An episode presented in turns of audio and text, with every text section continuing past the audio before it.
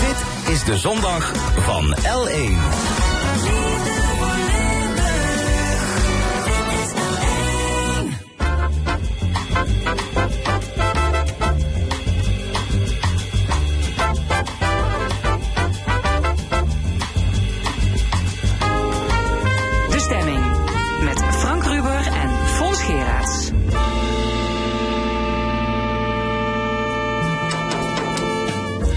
Welkom bij de stemming. Twee uur lang interviews en discussie over politiek en cultuur. Wat hebben we vandaag voor u in petto? Gedeputeerde Madeleine van Torenburg wil extra geld van Den Haag om te kunnen investeren. We blikken terug op de bijna afgelopen competitie in het betaald voetbal. En onze analist spiritualiteit Guus Prevot balanceert tussen hemelvaart en pinksteren. Er zit een definitieve regeling aan te komen voor de afhandeling van alle mijnbouwschade.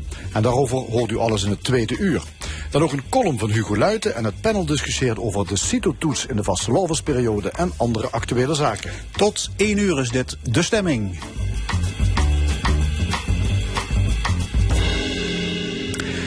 Er is scheefgroei in Nederland. De welvaart is niet gelijk verdeeld. Sterke regio's worden sterker, zwakke regio's worden steeds zwakker. Dat is de conclusie van het onlangs verschenen rapport Elke regio telt. De provincie Limburg wil daarom extra geld van Den Haag. Om investeringen te kunnen doen op het gebied van infrastructuur, kunst en cultuur en woningbouw. We gaan erover praten met Madeleine van Torenburg, gedeputeerde van onder meer Brede Welvaart en Regiodeal. Ja, goedemorgen mevrouw van Torenburg. Goedemorgen. Ja, het huidige kabinetsbeleid dat is erop gericht, zoals u al hoorde, om sterke regio's verder te ondersteunen. Vooral de Randstad en de regio Eindhoven gaat het dan over. De rest van het land zou daarvan kunnen mee profiteren, was het idee. Maar ja, dat blijkt dus niet te werken. Had u dat al door voordat dit rapport verscheen? Ja, absoluut. We waren al heel erg actief uh, in Den Haag als regionale Kamerleden toen nog om ervoor te zorgen dat daar aandacht en middelen naar de regio's ging. Maar dat was altijd een beetje lastig, want je voelde jezelf uh, soms wel een beetje kalimeren. Weet je? Denk ook aan de regio. En ja, dat is natuurlijk altijd best een beetje balanceren geweest. Maar nu dit keiharde rapport op tafel ligt, waarin echt klip en klaar door de drie advies organen van de overheid staat dat de regio's echt serieus tekort wordt gedaan, ja, dan is het echt het moment om naar voren te stappen en tegen Den Haag te zeggen: hoe gaan jullie dit nu aanpakken? Ja, de, het nieuwe is dus dat we het allemaal al dachten, maar dat het nu opgeschreven is. Ja, ik, werd, ik heb heel vaak, uh, als het ging over bijvoorbeeld de Maaslijn, het ging over de Brightlands, over de diversiteit aan natuur in Limburg, wat nu eenmaal meer kost om dat goed te beheren en delen nog aan te kopen dan elders in het land. Dat iedere keer uh, onder de aandacht te brengen. Ja, dan ga je weer naar Den Haag en dan ga je weer naar Den Haag. Ieder gesprek ging het daar weer over. Maar je lijkt bijna een beetje zo'n zeurende provincie. En daar moest ik altijd heel erg op letten dat we juist vanuit de kracht van Limburg dit verhaal vertellen. Maar dan helpt het wel nu eindelijk dit rapport op tafel te hebben. En te zeggen, ja jongens, die kracht van Limburg is er. Maar dat vraagt ook een intensivering vanuit Den Haag. Ja, het is nu, het is nu ook bewezen dat, dat Juist. die uh, zal maar zeggen, die verdeling van die middelen, dat dat ten nadele is van de, nou, de regio's die, uh, waar dus minder geïnvesteerd wordt. Ja. Ja, ja. Het, het rapport, uh, elke regio telt, heet dat. Uh, ja, het komt u dus eigenlijk goed uit. Hè? U dacht, dit is, dit is het moment om in actie te komen. Juist. Dit is het moment om in actie te komen. Om niet langer op de verschillende dossiers iedere keer naar Den Haag te rijden. Uh, om weer te praten over cultuur. Dat in Limburg bijna geen rijksmiddelen neerslaan. En enorm veel wordt geïnvesteerd in de Randstad. Iedere keer dat soort argumentatie op tafel moeten leggen. Weet je, dat hoeven we nu niet meer. Blijven we wel doen. Maar het gaat nu over een veel structureler verhaal. Namelijk op al die dossiers. Uh, of het nou gaat over de wettelijke taken. Of over de taken die juist ook het provinciebestuur samen met de krachtige gemeente in Limburg proberen overeind te houden, die, die in te vullen. Het gaat over al die taken. Dat hele verhaal moet nu op tafel komen in ja. Den Haag. Ja. U wil structureel meer geld. Uh, trouwens, hoeveel? Wat, wat denkt u aan? Nou, dat is, uh, het, het is waar. Ik wil meer geld. Maar ik vind het jammer om daar te beginnen. Want het gaat over veel meer dan geld. Ja, maar ik denk dat iedereen die nu luistert, die denkt... hoeveel? Hoeveel wil ze nou hebben? Ja, maar volgens mij, ik ga toch een beetje tegenhangen nu. Volgens mij wil iedereen die nu luistert weten hoe ga ik die echte kansenagenda op tafel leggen. Ja. Want het gaat ook, en het is wel interessant, straks hebben jullie iemand in het programma die gaat over de ontzetting dat we ineens onze CITO-toetsen in de carnavalsweek moeten doen. Dat is een heel grappig voorbeeldje van het feit dat in Den Haag gewoon niet wordt nagedacht hoe dingen worden beleefd in de regio's. Ja. En dat los je niet met een klap geld op, want dat gaat natuurlijk over een vermogen. Denk alleen al aan de Maaslijn, aan de Brightland campussen die we hebben, aan de stikstofopgave. Weet je, dan kom je natuurlijk, eh, als je alles bij elkaar optelt, kom je over miljarden te spreken. Maar het heeft geen zin om dat gesprek zo geïsoleerd te voeren als niet wordt nagedacht over wat betekent rijksbeleid voor Limburg. Ja. Een mooi voorbeeld zitten veel mensen te luisteren in Limburg die ouder zijn. Want we hebben een verzilverde provincie, zeg ik altijd graag. Deze mensen willen heel graag soms niet meer in hun grote huizen wonen. In dorpjes waar de laatste supermarkt van Linders dreigt te verdwijnen. Die willen heel graag op een knusse manier bij elkaar wonen. Maar wat doet Den Haag? Die denken, oh, er moet woningbouw, plempen heel Nederland met agenda's voor woningbouw. En wij roepen in Limburg, best Den Haag. Wij willen een transitie. Wij willen ander soort woningen. Krijgen we daar ook hulp voor? Bijna niet. Dus En het gaat want over u ziet, veel u ziet meer dat geld gaat, geld. u ziet dat het geld gaat, in dit geval woningbouw, naar die grote uitbreidingen in de Randstad. Hè, waar die, Ja. die, die massale woningbouw die daar bedacht Ik wil graag Ja. net zoveel geld om leuke knarrenhofjes in Limburg neer te zetten. Dat zijn eh, mooie pleintjes waar ouderen gezellig bij elkaar wonen. Wat ook de zorg makkelijker toegankelijk maakt. Dat er makkelijker eh, ook eh, voedsel en andere fijne dingen naartoe kunnen gaan. Niet zo geïsoleerd, wat soms wel het geval is. Dus het gaat over zoveel meer dan alleen maar geld. Maar ja, u heeft gelijk, het gaat ook over geld. Ja, nou denk ik dat er wel meer provincies wakker zijn geworden. Dus die gaan natuurlijk allemaal met dit soort plannen naar Den Haag. Waarom denkt u dat Limburg een goede kans maakt om, zoals u dat wil, een pilotproject te worden? Ehm, het heeft verschillende redenen. Aan de ene kant is het zo dat eh, wij een van de voorbeeldprovincies zijn uit het rapport. Dus dat rechtvaardigt al dat Limburg specifieke aandacht krijgt. Ja, Parkstad werd met name genoemd. Ja, ja, ik ga ook met de burgemeester van Parkstad naar Den Haag. In De ronde burgemeester van de Parkstad? Tweede Kamer. Geloof nou, toch? Nee, nee, nee, die hebben we niet. Nee, de Roel Wever van Heerlen, die, die probeert natuurlijk alles eh, mee te nemen. En niet alleen maar eh, Heerlen voor Heerlen, maar die is ook verantwoordelijk voor de regio. Dat zie ik ook, dus dat doet hij ook. En dan ben ik er nog. Dus wij zitten daar aan tafel in de ronde tafelgesprekken van ehm, de Tweede Kamer. Maar eh, Laten we ook eerlijk zijn. Wij moeten ook zorgen dat we de andere regio's meetrekken. Het gaat namelijk ook over systeemdenken. Ik zat vanmorgen nog een beetje te filosoferen. Eh, wat wel interessant is om eens naar voren te brengen is... ik weet van een voormalig eh, bewindspersoon op economische zaken... die zei, ik ben eigenlijk me rot geschrokken van het Haagse juppengehalte van mijn ambtenaren. Misschien moeten we ook eens nadenken over ander soort diversiteit op onze ministeries. Namelijk dat zoveel procent uit de regio moet komen. Regionale diversiteit, ja. Juist, want nu gaat het alleen maar over man-vrouw verhoudingen en eh, niet westers of waar dan ook afkomstig. Nee, het gaat er ook om dat onze ministeries ons hele land snappen, ons hele land verdedigen. En dat is op dit moment niet zo. ja. Meer mensen uit de regio op Haagse burelen. Absoluut. Absoluut, want dan krijg je ook een andere manier van denken. En daarom zeg ik, het gaat niet alleen over geld, ook al gaat het over geld. Het gaat ook over nadenken, wat heeft een regio nodig. En daar heb je, zo zie je dus nu, mensen voor nodig uit de regio. Ja, steekt er in elk geval eentje zijn vinger op als eh, de CITO-toets tijdens de carnavalsperiode wordt gepland.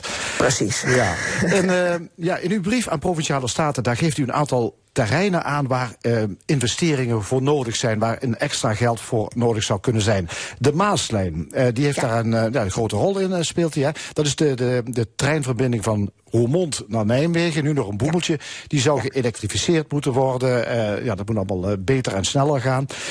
Waarom denkt u, is daar al jaren geen geld voor? Omdat ze het makkelijker vinden om meer te investeren in, de, eh, in het openbaar vervoer in de Randstad, waardoor een trein zes minuten sneller gaat. Waarom zou dat makkelijker zijn? Omdat daar gewoon iedereen de focus op heeft. Wij zijn de zeurende provincie Limburg die willen dat de Maaslijn wordt betaald door Den Haag. Me dunkt. En daar moet ik dus voor uh, voor knokken in Den Haag. Dat is toch te gek voor woorden. Dat de bereikbaarheid en het openbaar vervoer meer geld krijgt in de Randstad dan in de regio's. Dat is dus wat nu ook in het rapport staat. Dat, het, dat de bereikbaarheid en het openbaar vervoer ook in onze regio's tekort komt. Nou, dit helpt mij om aan te geven, zie je wel jongens. Het is niet zo dat wij aan het bedelen zijn om geld. Dit is een rijkstaak. Ja. Om ervoor te zorgen dat mensen gewoon goed van A naar B kunnen. Om ervoor te zorgen dat mensen niet allemaal in de auto gaan zitten. Maar ook het openbaar vervoer kunnen gebruiken. Als die baaslijn in de Randstad zou liggen, zou die lang zijn aangelegd? Absoluut. Daar ben ik 100% van overtuigd. Ja. Um, cultuur. Dat is ook zo'n onderwerp. Uh, er gaat heel veel cultuurgeld gaat naar de Randstad. Ja, daar zitten ook de grote musea. Daar zitten de grote gezelschappen. Dus ja, het lijkt ook wel logisch dat daar dus het meeste cultuurgeld terechtkomt. Natuurlijk is het belangrijk dat we uh, grote gezelschappen overeind houden. Dat is onze nationale trots. Maar dan moeten we dus afdwingen dat ze alleen maar overheidsgeld krijgen wanneer ze overal in het land optreden. En dat we niet, zoals we nu zien met onze uh, prachtige Museum, dat we 250.000 euro van het Rijk krijgen, maar alleen voor aanvullende tentoonstellingen. Hoezo moet, moet provincie Limburg zelf drie musea overeind houden, terwijl het in de Randstad wordt gedaan van Rijksgeld? Daar moet Rijksgeld naartoe en niet alleen voor een bijzondere tentoonstelling. Want wat Den Haag onvoldoende snapt, is dat wij ook in het Bonnefantenmuseum Rijkserfgoed hebben. Waar wij op een manier uh, voor moeten zorgen, die past daarbij. Dus als bij ons de energierekening omhoog gaat, omdat we dat uh, goed moeten verzorgen, dan moet het Rijk daarvoor aan de lat staan. En niet wat nu steeds gebeurt, de provincie Limburg. Ja, u wijst ook naar gebrek aan middelen bij de politie in Limburg. Het verhaal is bekend, hè? Er, is, uh, ja, er is best een behoorlijke onderbezetting. Is Limburg onveiliger door het Rijksbeleid? Nou, wat in ieder geval zo is, is dat we eh, te weinig politiesterkte hebben voor de opgave die we hebben. Want wij zijn natuurlijk een provincie met 351 kilometer buitengrens. En dat betekent dat al onze grote onderzoeken grensoverschrijdend zijn. Wij worden gefinancierd voor twee tot drie grootschalige grensoverschrijdende onderzoeken. Er lopen op dit moment 14 onderzoeken. Dus dat gaat ergens knellen. En ja, dat betekent dus dat wij meer politie nodig hebben om de hele provincie veiliger te hebben. Ondermijning heeft gewoon een te grote ruimte in Limburg om lekker grensoverschrijdend aan de slag te zijn. En dat willen wij natuurlijk stoppen. Ja, nou, het zijn zo wat voorbeelden die we gepasseerd zijn op deze manier. Uh, u heeft afgelopen week al contact gehad met minister Hanke Bruinslot van Binnenlandse Zaken. Die was op werkbezoek in Limburg. Uh, u heeft dit aangekaart. Wat vond zij ervan? Nou, wat ik vooral heb gedaan is uh, ruimte geboden. Dat heeft de burgemeester uh, van Venlo ook goed gedaan in haar werkbezoek naar Venlo. Aan onze partners in het veld. Want het kan wel zijn dat ik als gedeputeerde dat zeg. En dat zeg ik natuurlijk ook.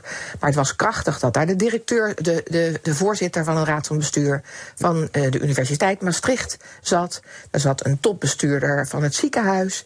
En als zij aangeven wat ze tekort komen, of het nou gaat over de taal, of het gaat over grensoverschrijdende samenwerking, ja. alle soort onderwerpen, kan ze beter van anderen horen dan van mij. Maar wat vond ze ervan? ik heb natuurlijk wel even een samenvatting ja, gegeven. Nee, maar is ze ontvankelijk ervoor? Ja, je zag haar natuurlijk denken van uh, help, dit rapport, dat kunnen wij niet uh, afdoen met een ambtenaar die een leuke reactie schrijft voor de Kamer. Dat dreigt er namelijk te gebeuren.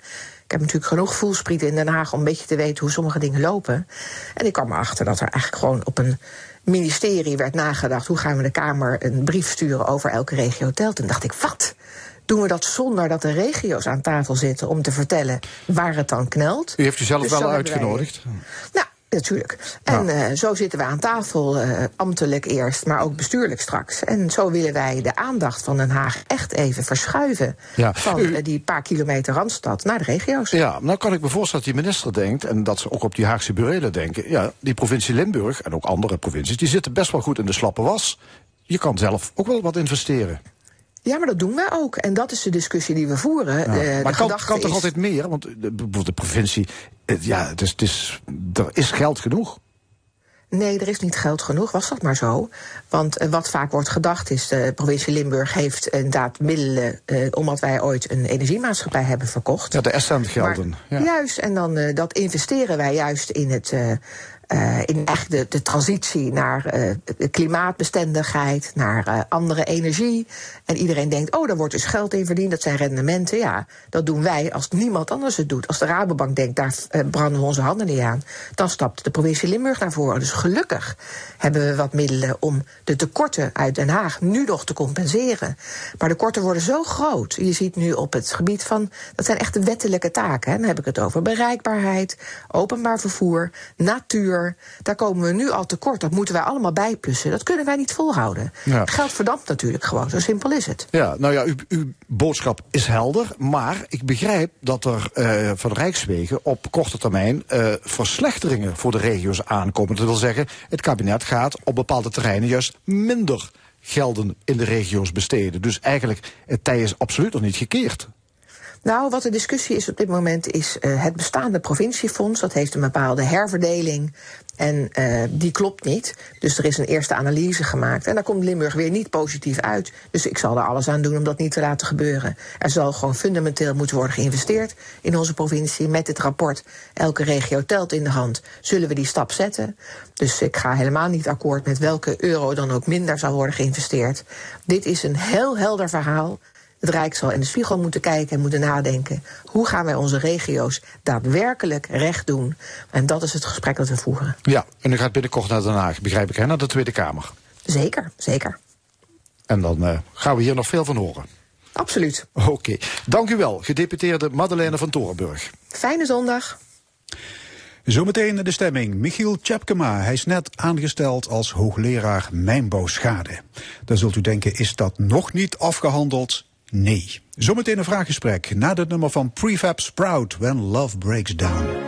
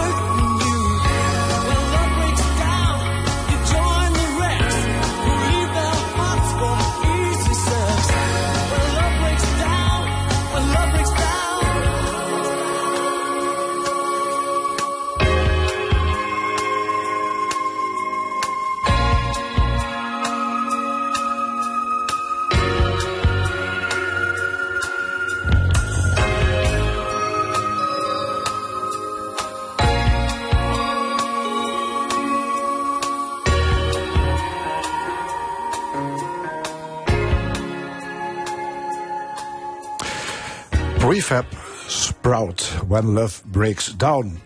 Deze week werd een symposium gehouden over mijnschade in Limburg. Want niet alleen Groningen kampt met schadelijke gevolgen van mijnbouw, ook in Limburg zijn woningen verzakt door bewegingen in de ondergrond en door stijgend mijnwater.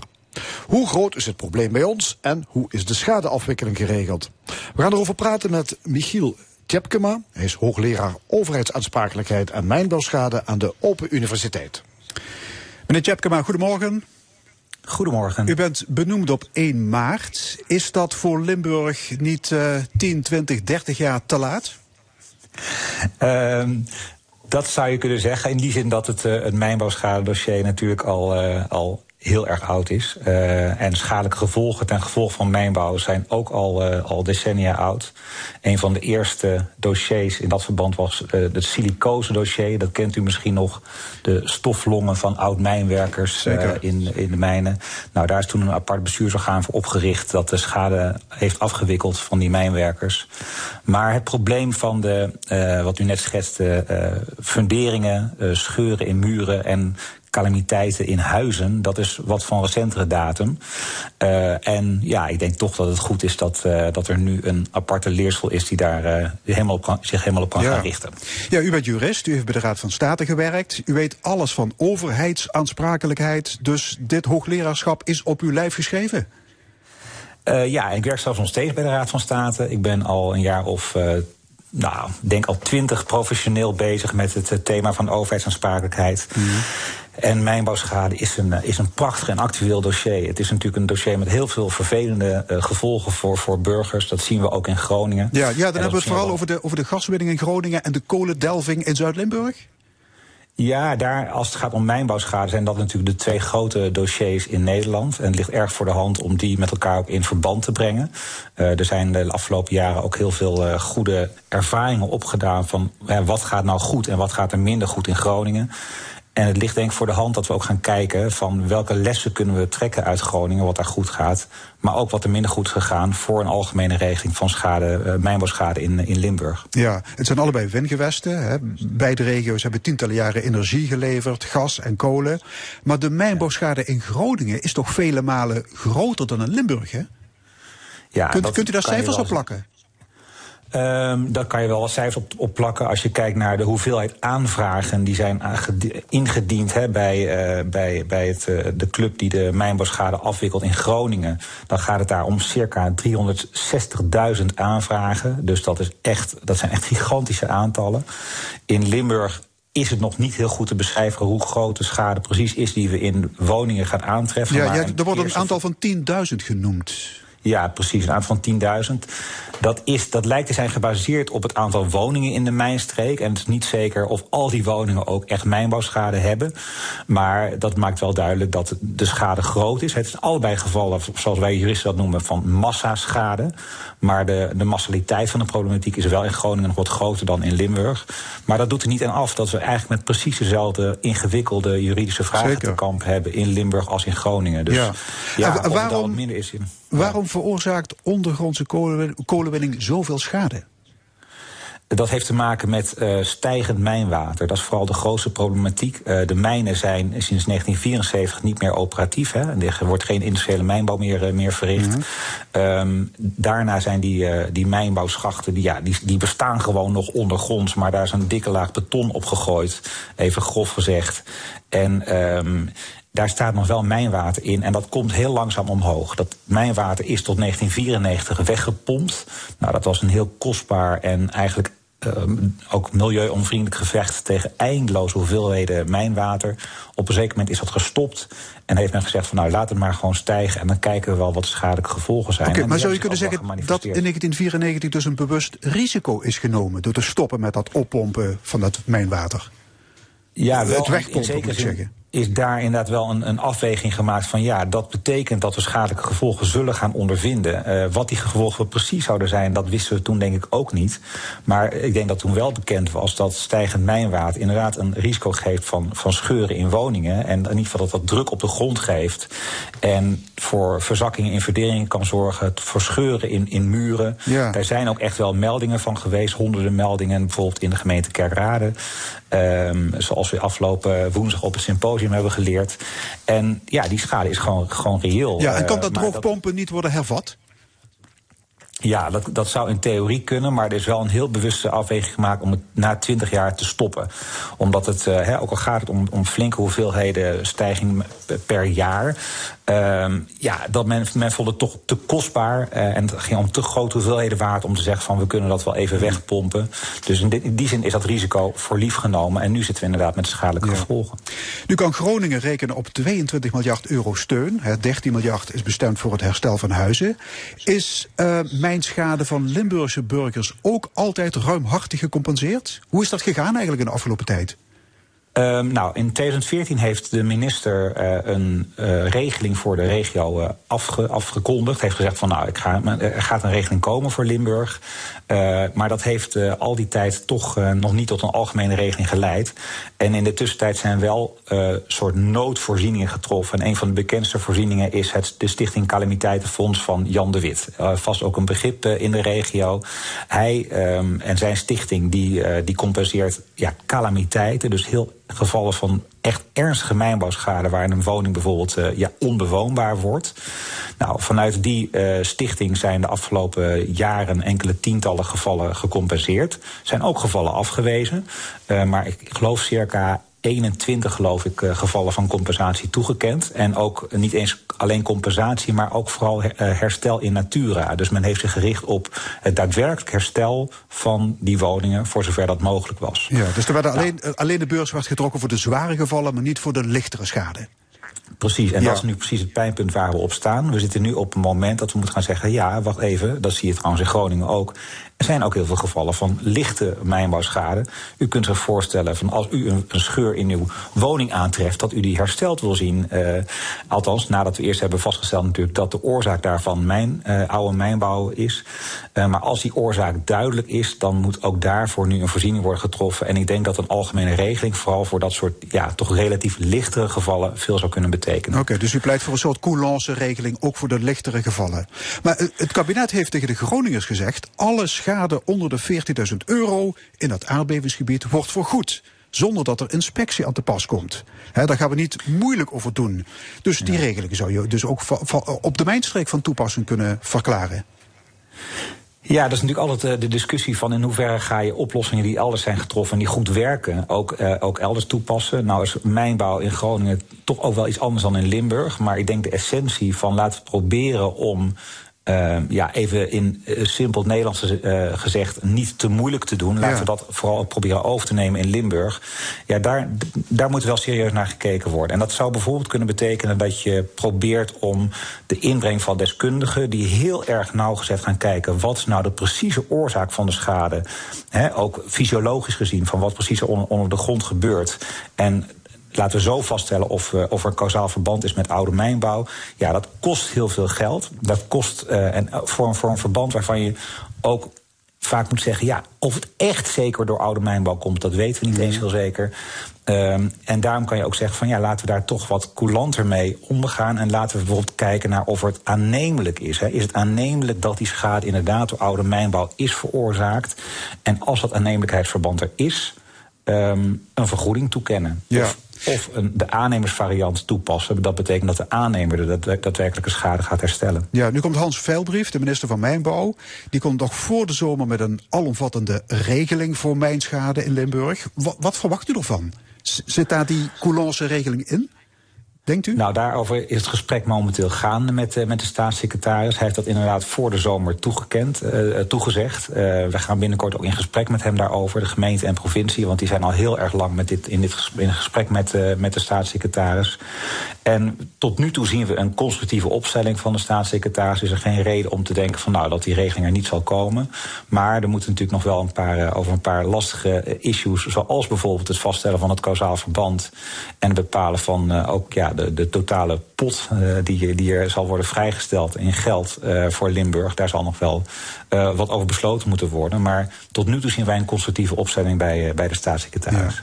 Casper. Gelderblom is wethouder van Heerlen. Hij zit in Berlijn en daarom spreken we hem via de telefoon. meneer Gelderblom, bent u benieuwd naar de regeling van de minister? Uh, jazeker, goedemorgen in de eerste plaats. Uh, we zijn benieuwd, maar uh, meer dan benieuwd hebben we er ook zelf hele duidelijke ideeën over, over hoe die regeling eruit moet zien. dat is ook de reden geweest dat ehm, wij, de gemeente Heerlen, samen met de Open Universiteit, maar ook samen met alle andere gemeenten in de voormalige westelijke en oostelijke mijnstreek, duidelijk hebben aangegeven hoe wij graag die regeling zouden gaan inrichten. Ehm, en daarover gaan we komende donderdag met de staatssecretaris in gesprek. Dus um, ik, ja, ik voel benieuwdheid, maar ik voel ook wel meer dan benieuwdheid. We hebben duidelijke ideeën en die willen we graag uitwisselen. En vervolgens betrokken worden bij de daadwerkelijke totstandkoming van die regeling. Ja, Heerlen was het centrum voor de mijnindustrie, dus mijnschade komt in uw gemeente relatief veel voor? Ja, uh, inderdaad. Ik denk dat heel veel mensen die nu luisteren zich ook nog wel uh, het loon kunnen herinneren. Uh, bijna tien jaar, of iets meer dan tien jaar geleden inmiddels. Waarbij ook door mijn schade er in een keer bijna een winkelcentrum instortte. Ja, dus we weten dat het heel serieus is. Een soort sinkhole was dat geloof ik hè? Ja, klopt inderdaad. Dus dat is dan een heel, heel ernstig voorbeeld. Maar goed, uh, wat, wat jullie net al bespraken, inderdaad, er is ook kleinere schade. Uh, ja, de Stichting Calamiteitenfonds heeft ernstige schade op woningniveau de afgelopen jaren opgepakt. Maar er zijn heel veel gevallen, in ieder geval wel mogelijk, waarin je scheuren zou kunnen krijgen in je huis. Nou, dat hoeft geen sinkhole te zijn om wel ernstig te zijn. Ja. En daar moet ook die regeling uh, straks voor, voor ingezet gaan worden. Is er op dit moment in Limburg een loket waar je terecht kunt met alle mogelijke vragen over mijnschade aan je woning, aan je bedrijf of wat dan ook?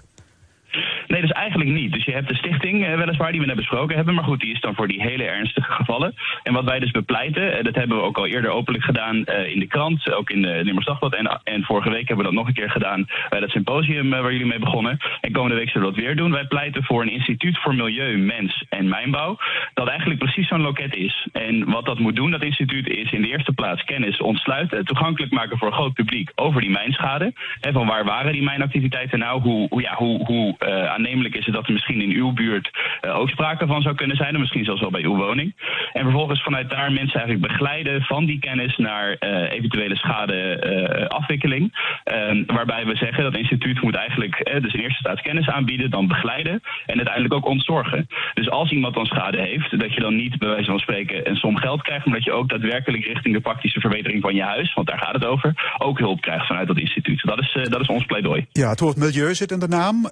Kan zo'n instituut ook onderzoek doen naar bijvoorbeeld de toepasbaarheid van mijnwater als stadsverwarming? Ik noem maar wat. Nou, ik, denk dat het heel belangrijk is dat we inderdaad in samenhang naar dat soort onderwerpen kijken. Uh, want uh, ja, uiteindelijk, hè, de mens staat centraal. De menselijke maat moet ook centraal staan hierin. We willen geen chronische situatie waarin die afhandeling van die schade, die al zo lang duurt, dat dat nog langer gaat duren met de komst van een regeling. Dus dat moet snel gaan. Maar inderdaad, um, ja, verzakkingen, uh, dalingen van, van, van de bodem, dat heeft ook impact op ecosystemen, op biodiversiteit, misschien wel op grondwater. Dus er zit ook een milieuaspect aan. En wat wij zeggen is, we moeten dat in samenhang met elkaar in zo'n instituut kunnen kunnen, bekijken. Uh, en inderdaad, we hebben een mijn verleden, maar we hebben ook een mijn heden. We hebben mijnwater, het duurzaamste warmtenet van het land. Jullie hebben een belangrijke rol te spelen in onze energietransitie. Ook die factor die moet je meenemen in het overwegen van hoe gaan we nou met die schade om, want dat blijft belangrijk. Ja, er, bestaat ook materiële uh, schade, hè, daar hebben we het over, maar ook immateriële schade. Stress, ergernis, mentale problemen. Zou dat op de een of andere manier ook gecompenseerd moeten worden? Uh, nou ja, wij vinden in ieder geval dat dat gesprek opengebroken moet worden, inderdaad. Dat we het daarover moeten kunnen hebben. En dat is dus zeker een van de punten, ook op basis van het symposium dat afgelopen week heeft plaatsgevonden, waarover we graag met de staatssecretaris in gesprek gaan. Van kijk nou niet heel nauw uh, en inderdaad uh, tot, op de, tot op de drie decimalen, hoe groot die kans is dat mijn, water of, sorry, mijn, mijn activiteit een rol hebben gespeeld bij bepaalde schade. Laten we op een, op een coulante manier ernaar kijken. En dat betekent inderdaad ook niet alleen kijken naar zaakschade, maar misschien ook wel naar andere impact die het heeft gehad op op mensen en de omgeving. Dus dat, we vinden zeker dat dat gesprek moet plaatsvinden, ja. Ja, Michiel Tjepkema, hoogleraar mijnbouwschade aan de Open Universiteit. Ja, is dat niet wat overdreven om ook de psyche erbij te gaan halen? Oh, ik denk het zeker niet. Want uh, dat was een van de verhalen van Jan de Wit afgelopen woensdag. Uh, die zei van ja, er zijn aantoonbare gevallen waarin mensen door uh, de slechte staat van hun woning ja, soms ook ziek worden van de stress. En het is gewoon ook in rechten een compenseerbare vorm van schade. Dus waarom zou je dat niet ook moeten meenemen in een, uh, in een gesprek over de vergoeding van mijnbouwschade? Ja, maar dan kom je wel in een woud van aansprakelijkheid terecht. Hè? Probeer het maar eens aan te tonen. Dat hoeft, ja, dat, nou, dat hoeft niet. Uh, in, Limburg, of in Groningen hebben ze daar ook gunstige ervaringen op gedaan. En dat een forfaitaire regeling over opgesteld. En daar hebben we bijvoorbeeld gekeken van nou, hoe vaak hebben mensen, dit ging over Groningen, maar hoe vaak hebben ze met een aardbeving te maken gekregen. Als het twee tot drie keer is, dan dan krijg je een forfaitair bedrag. En dat is dan de vergoeding van je immateriële schade. Dus het hoeft helemaal niet zo te zijn dat er per se heel veel deskundigen bij komen kijken. Ehm, maar het klopt wel dat je het, de regeling wat uitbreidt. maar, maar ik denk dat het heel reëel is dat je na zaakschade ook naar andere vormen van, van schade gaat kijken. Ja. ja, wat betreft die schade, waarom moet de overheid er eigenlijk voor opdraaien? Ik bedoel, waarom wordt de rekening niet neergelegd bij DSM, de voormalige staatsmijnen? Die hebben goud verdiend aan de kolenwinning. Ja, en dat is ook precies de regeling die het eh, burgerlijk wetboek daarvoor opstelt. De hoofdregel is dat de exploitant moet betalen, de oud-concessiehouder. Uh, geldvergroning geldt ook voor Limburg. Alleen uh, daar hebben we in Limburg gezien dat het afgelopen jaar het gesprek met die, met die concessiehouders moeizaam plaatsvindt. En dat die niet bepaald staat, staan te trappelen om hun aandeel in, in de schade, um, ja, ook in de vorm van een schadevergoeding te verzilveren. Um, maar dat, dat, dat gesprek moet wel plaatsvinden. Dat vinden wij ook bij als, als er zo'n instituut zou komen. Maar dat is iets aan de, dat is echt aan de staatssecretaris. Hij moet proberen om de schade die hij, uh, ja, die hij ter beschikking stelt voor een, uh, een fonds in Limburg, dat hij die uiteindelijk kan verhalen op de exploitanten. Dus okay. zo willen we de burger daar in ieder geval niet mee belasten. Oké, okay. nou, we zijn benieuwd naar de regeling van de staatssecretaris en of zo'n instituut Milieu, Mens en Mijnbouw er daadwerkelijk komt. Michiel Tjepkema, hoogleraar mijnbouwschade aan de Open Universiteit en wethouder Casper Gelderballon vanuit Berlijn. Hartelijk dank. Graag gedaan. Hemelvaart ligt achter ons, Pinksteren komt eraan. Analist spiritualiteit Gus Privot legt zo meteen uit wat die christelijke feesten voor ons kunnen betekenen. Maar eerst Billy Preston, That's the way God planned it.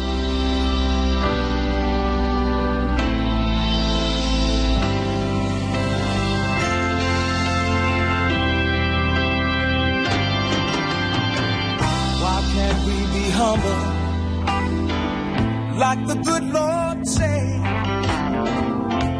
He promised to exalt us, but low is the way. How men be so greedy when there's so much left. All things are God given, and they all have been blessed.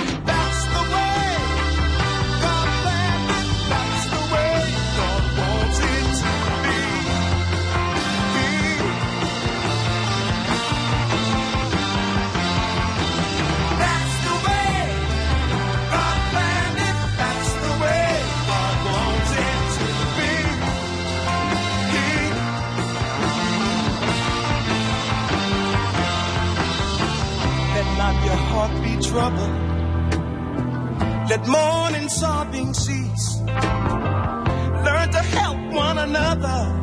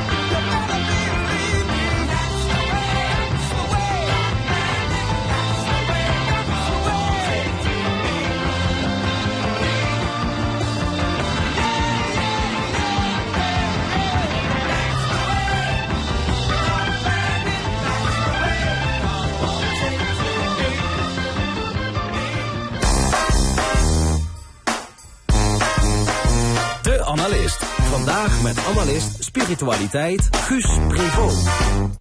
Goedemorgen, Guus.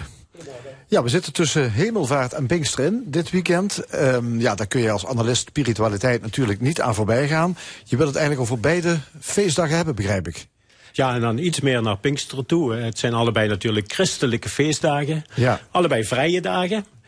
Uh, maar dat wil niet zeggen dat als je niet meer gelovig bent, dat je geen vrij hebt. Je mag er nog steeds... Ja, je mag er wel van uh, profiteren. Je ja. mag er wel van profiteren, ja. En die, die beide feestdagen die komen in de evangeliën. Uh, de evangelieverhalen er eigenlijk maar bekaaid van af. hemelvaart wordt alleen maar bij Marcus en Lucas genoemd, in één zinnetje. Ja. En Pinksteren, dat komt alleen maar bij Johannes voor. Die het overigens op dezelfde dag laat plaatsvinden. Gaat weer een vrije dag als Pasen. Uh, maar zoals wij Hemelvaart en Pinksteren vieren, dat is gebaseerd op uh, de handelingen van de apostelen. Een boek dat volgt op, het, uh, op de vier evangelies en dat ook door dezelfde schrijver is geschreven als het Lucas-evangelie. Ja, het gaat er eigenlijk op verder. Ja, je zegt ik wil het vooral over Pinksteren gaan hebben. Ja. Want je denkt dat dat betekenis kan hebben ook voor niet-christenen? En dan moet ik eerst natuurlijk even wat uitleggen wat de betekenis is voor de christenen. Ja, want ik denk niet dat iedereen meteen nee. op zijn netvlies heeft wat is Pinkster ook alweer. Ja. Pinkster is dus de komst van de, de Heilige Geest. Uh, en uh, ja, de, de situatie was zo dat na uh, de hemelvaart, na de verrijzenis, het lijden en lijden, verrijzenis en de hemelvaart, de apostelen wat angstig, nou eigenlijk heel erg angstig bij elkaar zaten. Uh, zoals Johannes in zijn evangelie zegt, in een uh, gesloten ruimte. De luiken gesloten, daar komt ook ons woordje beloken vandaan, hè? De, de luiken gesloten. En dan uh, maakt Jezus, zoals hij dat beloofd heeft in het evangelie, zijn belofte waar dat de helper wordt toegezonden. De helper wordt gezonden in de vorm van de Heilige Geest. En dat doet wel wat met die apostelen. Die kunnen ineens hun angst overwinnen, doen de luiken open en uh, gaan enthousiast, geestdriftig, begeesterd aan de slag om uh, mensen te bekeren. Uh, dus dat doet het dus met die apostelen. Ja, dus die komst van de Heilige Geest, dat is de kern van uh, Pinksteren. Ja. Nou zeg jij, ja, het is een christelijk feest natuurlijk, uh, 2000 jaar oud al. maar het kan ook voor niet-gelovigen, kan dit wel betekenis hebben? Ja, ik denk het zeker. je hoeft natuurlijk niet al je eigen gedachten zelf te ontwikkelen. je mag je oor te luisteren leggen, zoals hier tijdens dit programma. je hoeft ja, niet alles zelf te ontwikkelen, maar het gaat er net om dat je over datgene wat je je eigen maakt, dat je daar enthousiast over raakt. Dat je daarin gelooft. Dat je daar durft uh, voor uit te komen. En in die zin denk ik is Pinkster ook wel een feest voor iedereen. Een aanmoediging om op te komen voor jezelf. En voor datgene wat jouw identiteit is en wat je wil uitdragen. Ja, ik geloof dat dat op dit moment wel heel veel gebeurt in onze samenleving. Hè? Want we zien heel veel mensen hun meningen delen en daar uh, echt uh, vast achter staan. Dus is het ook niet, ja, loop je niet het gevaar dat we inderdaad allemaal eigen meningen en ideeën hebben en dat we niet meer tot overeenstemming komen met elkaar. Dat ja, dat, uh, dat, dat gevaar loop je. Ja. Je hebt het zelf al geconstateerd op de sociale media en zo. Het loopt de spuigaten ja, uit. Die begeestering is er wel, hè? Ja, en de vraag is of dat op een goede manier gaat. En dan zou ik zeggen dat uh, wat mij betreft iets als de waarheid... die voor iedereen en iedereen en alles geldt, dat die niet bestaat. Ik wil daar graag met iedereen over gedachten wisselen, maar dat is mijn standpunt. Ik heb dat overigens geleerd van mijn dochtertje. Toen die twee jaar was, is inmiddels 45 jaar, woonde in Den Haag, Rachel. En zij had uh, twee oma's die allebei een hond hadden. En de ene heet oma Pasha en de andere heet oma Payo, Payo naar de honden. Maar ze had nog een uh, overgrootmoeder, de, de oma van mijn vrouw. En die woonde in Sibbe. Dus die werd oma Sibbe genoemd. En zij was het spelen bij een vriendinnetje. Die had ook twee oma's, uit Margraat, uit Sibbe. Dus die hadden ook een oma Sibbe. Die laatste komt binnen. En het vriendinnetje roept enthousiast van... Hé, uh, hey, daar is oma Sibbe. En mijn dochter kijkt en zegt van... Nee, dat is oma Sibbe helemaal niet. Beide kinderen hadden 100% gelijk. In dezelfde situatie. Maar zeiden precies het tegenovergestelde. Ja. En dat betekende voor mij, zij heeft me daaruit geleerd, dat uh, waarheid altijd contextueel is. Het hangt van de situatie af. Ja, Eh, maar ja, goed, maar dan zou je kunnen concluderen, er is niks objectiefs meer. Hè? We, Dat is weer de andere kant Ja. van dit gevaar. Hè. Allemaal opkomen voor je eigen waarheid en dan er is geen waarheid meer. Eh, dat zou kunnen. Wat ik in mijn opleiding aan de HTP UTP in Heerlen heb geleerd... is dat je moet zoeken naar wat je noemt intersubjectiviteit. Eh, iets tussen objectiviteit en eh, eh, hoe heet dat, subjectiviteit in. Eh, proberen om mijn waarheid, die ik heb en die ik cont- te- contextueel eh, wil uitdragen, dat ik eh, in dialoog, in gesprek ga met andere mensen om zeg maar, een gezamenlijke waarheid eh, te zoeken. En eh, laat Pinksteren, als je daar naar kijkt, want er staat ook van eh, dat de apostelen eh, preekten, eh, hun, hun boodschap gaven. En, en dan moet ik het even, even goed lezen. Eh, hoe komt het dat iedereen het hoort, hen hoort spreken in, een eigen, in onze eigen moedertaal? Blijkbaar slaagden de apostelen erin heel goed te communiceren, doordat ze gingen zitten op het niveau van hun toehoorder. Ze gingen niet op hun eigen niveau staan in hun eigen taal. Nee, ze spraken in de taal van hun toehoorders om hen eh, te kunnen bereiken. In die zin is voor mij eh, Pinksteren ook het feest van de communicatie. En communicatie is heel belangrijk, ook in het evangelie. Als je kijkt naar de wonderen die Jezus doet, wordt nu te ver om daarop eh, in, te gaan. Dat is allemaal eh, herstel van communicatie. ja. Eh, eh, communicatie, ja, we, we hebben veel communicatie, maar het is vaak eh, discussie. Hè? Dat we toch elkaar proberen te overtuigen van ons eigen gelijk. Ja. Dat is dan een communicatie die misschien die jij dan niet bedoelt. Nee, ik, ik denk je hebt discussie. waarin je de ander probeert te overtuigen van jouw gelijk, gelijk. En je hebt de dialoog. En dat is een andere manier van communicatie. En daarin probeer je het gelijk van de ander zo te overdenken. dat je daardoor je eigen gelijk aan kunt toetsen. Of met andere woorden, discussie gaat uit van dat ik mijn mening aan de ander probeer op te leggen. En terwijl dialoog is dat ik me afvraag wat heeft de mening van de ander voor mijzelf te zeggen. Zodat ik die kan toetsen. Ik hoef niet meteen met alle winden mee te waaien. Maar ik kan wel aan het gelijk van de ander, eh, mijn eigen gelijk, mijn eigen mening, eh, proberen te toetsen. En zo tot een, eh, een betere inschatting te komen. Ja, en dat zou je dus ook wel kunnen leren van het idee van, van, van Pinksteren, hè, wat daarachter zit. Ja. Is dat, ja, het is een andere manier van met elkaar omgaan dan wij vaak doen. Ehm, zie je dat die, ik zal maar zeggen, niet de discussie, maar juist de dialoogvorm. Zie je plekken op de wereld waar dat misschien meer gebeurt dan wij gewend zijn in West-Europa? Ik denk het zeker. En dan denk ik vooral aan de Afrikaanse Ubuntu-filosofie. eh, die je kunt omschrijven als eh, de gedachte daarvan, de fundamentele gedachte daarvan is: ik ben omdat jij bent, omdat wij zijn. Dus daarin zien de mensen zich veel meer als het onderdeel van één groter geheel. En proberen ze daar vanuit eh, ook eh, te opereren. Niet het ik staat op de voorgrond, maar het wij staat op de voorgrond. En het ik is altijd verbonden met dat grotere geheel van een wij. Ja, heel anders dan de individualistische samenleving waarin wij natuurlijk dat, die ik laten prevaleren. Ja, Ja. zo is dat. Ja, dus eh Pinksteren, kortom, samengevat. wat, wat Nou, zou... het is het feest van vastberaden en zelfzeker op, opkomen voor jezelf. En datgene waar je voor staat. Maar altijd bereid zijn om daarover in dialoog te gaan met anderen. Wetende dat we allemaal onderdeel zijn van één groter geheel. ja, het Dat is mooie formulering. ja, het is wel een ideaal, hè? Het is een heel groot ideaal, maar dan verwijs ik altijd naar de, de zeevaarders in de middeleeuwen en vroegere tijden. eh, die eh, moesten afstevenen, afkoersen op de Poolster, hoog in de hemel. Eh, en ze wisten ervan, dat is nooit bereikbaar. En zo zijn ook idealen. Die Poolster is niet bereikbaar. Maar ze geeft wel de richting aan waarin we moeten gaan. Mooi. En je zei net dat je dochter heet Rachel. Ja. Eh, dat is een mooie bijbelse naam. Zeker, zeker. Ja, waar, waar komt u ook weer vandaan?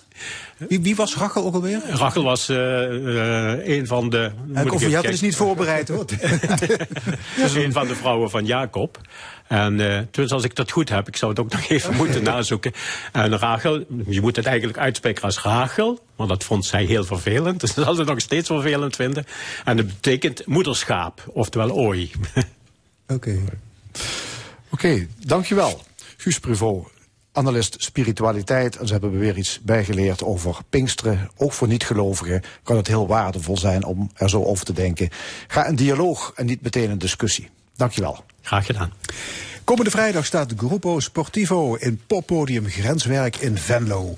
Uh, ze spelen hun meest gestreamde nummers op Spotify, dus reken maar op hits als uh, Beep Love, Tokyo, Disco Really Made It.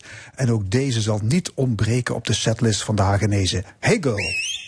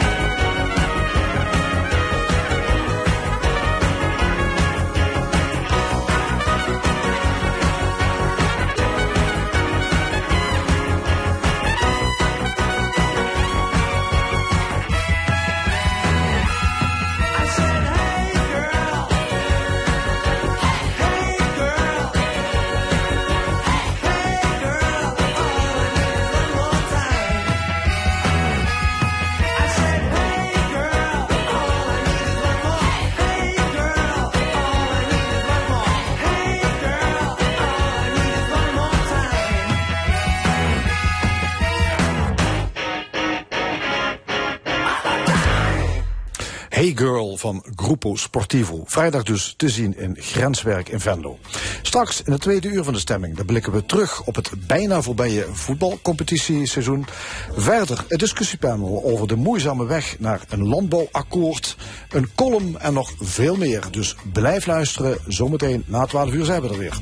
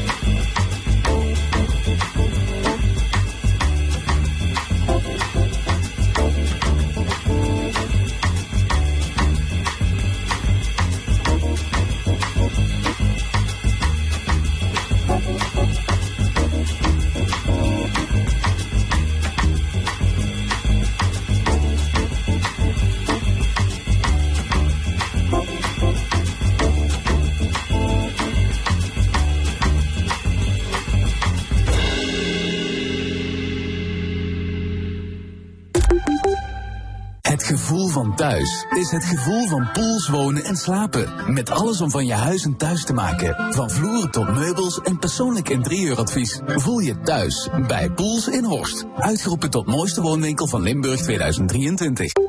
Bospop in Weert, 7, 8 en 9 juli. Met Simply Red, Sugaro, Porcupine Tree, Rag and Bone Man, Live, Joe Bonamassa, Nile Rodgers and Chic, Clouseau, Direct en nog veel meer. Ga voor info en tickets naar bospop.nl. Voor slaapcomfort en raamdecoratie. Kijk je op pools.nl. Je huis beter isoleren is energie besparen. Juist nu. Dat kan met kunststof kozijnen van Creon. Nu met 5% koopkrachtkorting. Creon kozijnen. Zo, dat is luxe. Nieuw van Social Deal. Social Deal Excellent. Luxe hoteldeals om bij weg te dromen. Ga naar socialdeal.nl. Voorraad op? Nou, helemaal top. Want alleen deze week bij bol.com huishoudmiddelen van onder andere Ariel, Dreft en Menor tot 60% korting op de adviesprijs. Vul je voorraad voordelig aan in de app van bol.com. Ontdek alle excellent deals op socialdeal.nl. Dit is L1 met het nieuws van 12 uur. Gert Kluk met het NOS-journaal. De G7-landen hebben op de slotdag van de top in Hiroshima in Japan nogmaals hun steun aan Oekraïne onderstreept in de strijd tegen Rusland. De Amerikaanse president Biden kondigde een nieuw militair steunpakket aan van zo'n 350 miljoen euro voor onder andere munitie en gepantserde voertuigen. De Oekraïense president Zelensky was ook aanwezig op de top van grote invloedrijke industrielanden. Van en naar Rotterdam Centraal rijden veel minder treinen door een kapotte bovenleiding. Volgens ProRail is die waarschijnlijk kapot gereden door een trein. De spoorbeheerder hoopt de schade vandaag nog te kunnen herstellen, maar het gaat moeilijk omdat er al werkzaamheden gepland waren. In een voetbalstadion in El Salvador zijn zeker 12 mensen om het leven gekomen. Zo'n 100 fans raakten gewond. In het stadion speelde Alianza tegen Club Deportivo. Het ging mis toen fans probeerden binnen te komen toen de meeste toegangspoorten al dicht waren. Mensen werden in een lawine van mensen onder de voet gelopen. Bij een woningbrand in Buchten in Limburg is een dode gevallen. De brand woedde in een appartementencomplex. In verband met de rook werden tien woningen ontruimd. De oorzaak van de brand is nog niet bekend. In het noorden van Kroatië is gisteren een Nederlands vliegtuigje neergestort. Het eenmotorige propellervliegtuig, een Cirrus 20, was onderweg van de Sloveense stad Maribor naar de Kroatische kustplaats Pula. Het toestel stortte neer in bosrijk gebied. In Bloemendaal aan Zee is vannacht het strandpaviljoen Bloomingdale Beach Club door brand verwoest. De weg naar het strand werd afgesloten, zodat watertankwagens er goed bij konden komen. De oorzaak van de brand is nog niet bekend. Er was niemand aanwezig toen het vuur om zich heen greep. Het weer, op steeds meer plaatsen zon, vrij veel wind... en met 16 graden aan zee tot 25 graden in het binnenland voelt het broeierig aan. Vanavond in het noorden en oosten kans op stevige onweersbuien. Ook morgen kans op een bui, wel wat lagere temperaturen. Dit was het NOS Journaal. Elke dag een chocoladegeluksmoment? Waarom niet? Neem nou de ambachtelijke chocolaatjes van Rousseau. Heerlijk bij een kopje koffie of thee. En de chocoladerepen en tabletten zijn een waar genot. Als tussendoortje of als energizer. Het is altijd puur genieten. Met Rousseau chocolade. Maasmechelen Village members genieten nu van 20% korting op de outletprijs. En het lange weekend van Hemelvaart zijn we open tot 8 uur. Schrijf je in op maasmechelenvillage.com. Verwen jezelf en elkaar. Met Rousseau chocolade. Kijk op rousseau.nl. Onze nieuwe keuken is de ontmoetingsplek voor de hele familie. Ideeën waren er volop op mhkkeukenexpert.nl. En vervolgens heeft MHK Keukenexpert aards, keukens en badkamers uit Born alles tot in de puntjes gerealiseerd. Gaaf hè? MHK Keukenexpert ontwerpt en realiseert de keuken van je dromen. Op zoek naar de perfecte badkamer en volop keuze en de mooiste merken en uitsluitend de beste materialen en vanzelfsprekend de beste installateurs? Kom naar Bad Body. Maak een afspraak op badandbody.nl en het genieten kan beginnen. Dat is de N van Bad Body. Ga naar Technisch Bureau Aarts in Borren. Een speciaal keukenblad voor Ton en Annelies. Een speciale stoomoven voor mevrouw van Veen. Een speciale kokend waterkraan voor Peter en Frank. Een speciale indeling voor de familie Davidson. Bij uw keukenspeciaalzaak is iedere klant en iedere keuken speciaal. Uw keukenspeciaalzaak. Speciaal voor u. Ben je nou een klimaatdiscussie aan het winnen? Jij bent echt zo'n klimaatdrama. Jij denkt alleen aan jezelf. Ik, ik, ik. Of een goede vriend aan het verliezen? Verlies elkaar niet als polarisatie dichtbij komt. Kijk op sieren.nl.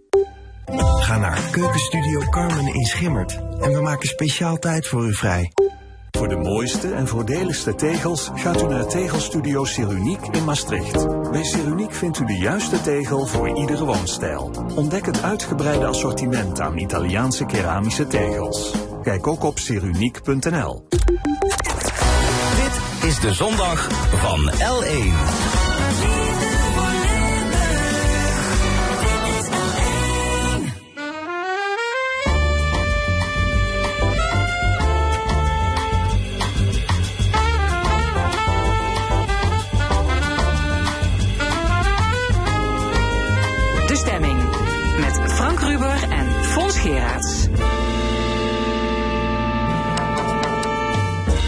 Opnieuw welkom bij de stemming. Wat nog allemaal in dit tweede en laatste uur. Over een klein half uurtje het panel. Drie opiniemakers, Gabrielle Heijnen, Cor Bosman en Luc Hustings, discussiëren over het moeizame gepolder over het landbouwakkoord en andere actuele zaken. Een column van Hugo Luiten over carnaval en de CITO-toets. Maar eerst de belangrijkste bijzaak ter wereld. Voetbal. Hè? De competitie in het betaald voetbal is bijna afgelopen. Volgend weekeinde vindt de allerlaatste speelronde plaats. Mooi moment dus om het afgelopen seizoen eens door te nemen. En dat doen we met twee doorgewinterde supporters van de hoogst en de laagst geclasseerde Limburgse profclub. Stefan Kapel, hij is voorzitter van Roda 1962 en Wil Meijers is oud-voorzitter van Fortuna Sittard. Heren, welkom. Goedemorgen. Eh, ja, Fortuna moet nog twee wedstrijden, maar eh, staat veilig. Hè, kan niet meer degraderen. Was dat ook de, bedoel, de, de doelstelling voor dit dat seizoen? Dat was zeker de doelstelling en dat geeft een iets comfortabeler gevoel dan eh, dat we vorig jaar hadden. Toen was het tot de laatste minuut erg spannend of we het zouden redden. Ja. Uh, het was uh, ja, geen mooi voetbal, hè, wat Fortuna heeft laten zien. Uh, er zat weinig lijn in het spel, amper vloeiende aanvallen, veel, veel balverlies. En toch staan ze op plaats 12 ja. van de 18. Hoe, hoe kan dat? Ja, het is uh, wat meer op het resultaat gericht geweest afgelopen seizoen. En we hadden bovendien toch ook wel een selectie die dit zou moeten kunnen waarmaken. En dat is dan ook wel gebleken.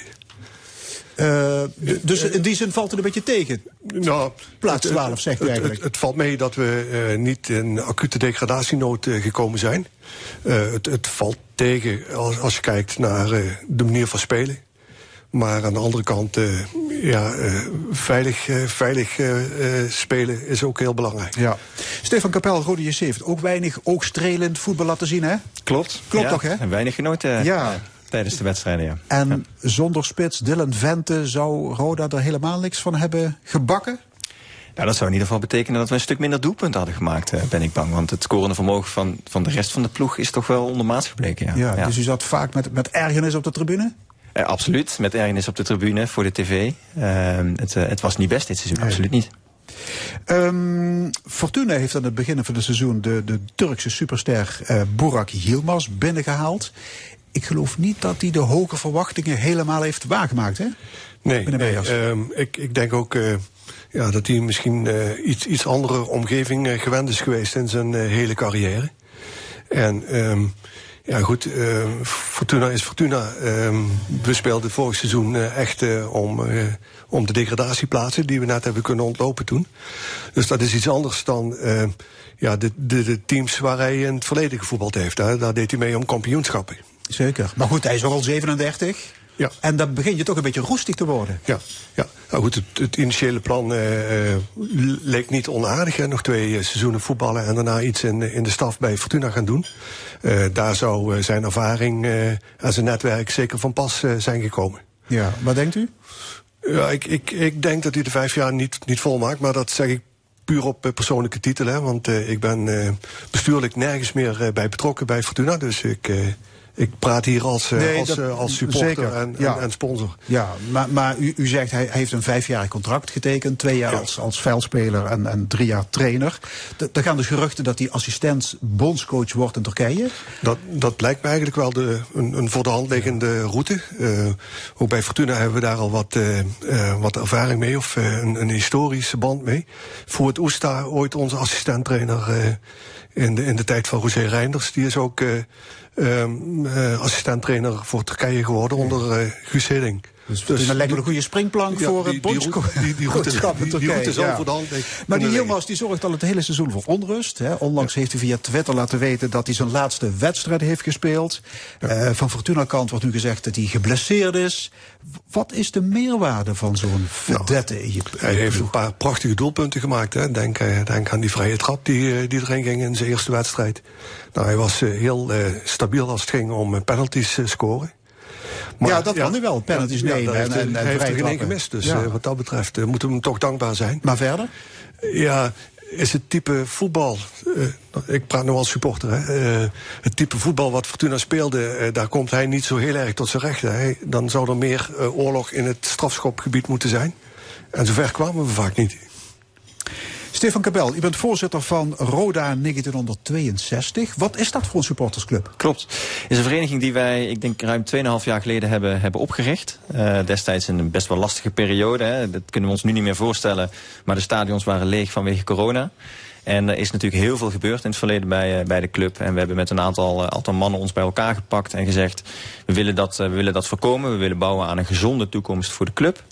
Eh, en we hebben er toen een Maar ledenvereniging daar heb je toch een directie voor en een raad van toezicht en, en noem maar Absoluut, op. Eh, absoluut. en eh, eh, zeker. En ik denk dat het juist van belang is dat ook supporters daar een belangrijke rol in spelen. Zeker als het gaat over zaken als de clubcultuur, hè, als je het hebt over de speelstad, de clubkleuren, clubkleuren, het logo. En dat is destijds ook onze doelstelling geweest. En toen zijn we naar de club gestapt en hebben we gezegd: wij willen graag supporters verenigen, een ledencollectief oprichten. En eh, we leggen hier op tafel de doelstelling neer dat wij duizend leden gaan halen. Eh, en eh, toen hebben we gezegd: en daar willen we natuurlijk ook iets voor terug. En dat is die clubcultuur. Een inspraak in, in de clubkleuren, de speelstad en het logo van de club. En wat krijgen jullie daarvoor terug?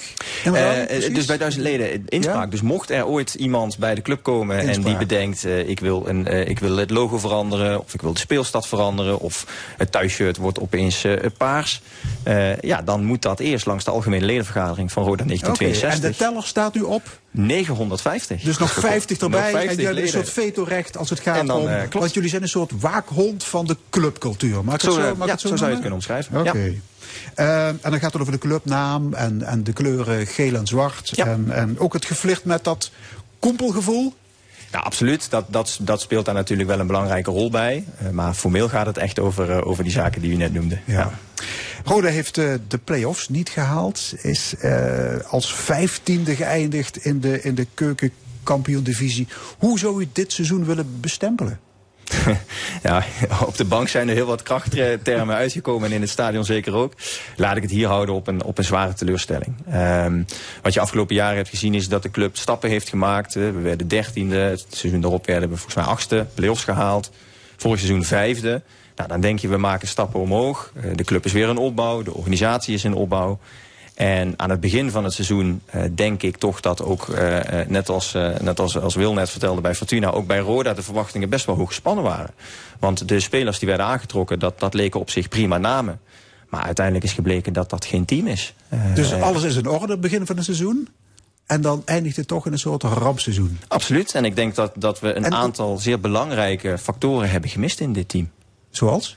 Eh, ik denk een bepaalde vechtersmentaliteit, winnaarsmentaliteit. eh, De eh, kompelmentaliteit, daar heb je het weer. Hè? Eigenlijk wel. Die ontbrak denk ik in dit team. Het waren allemaal behendige voetballers, goede voetballers, technisch vaardig.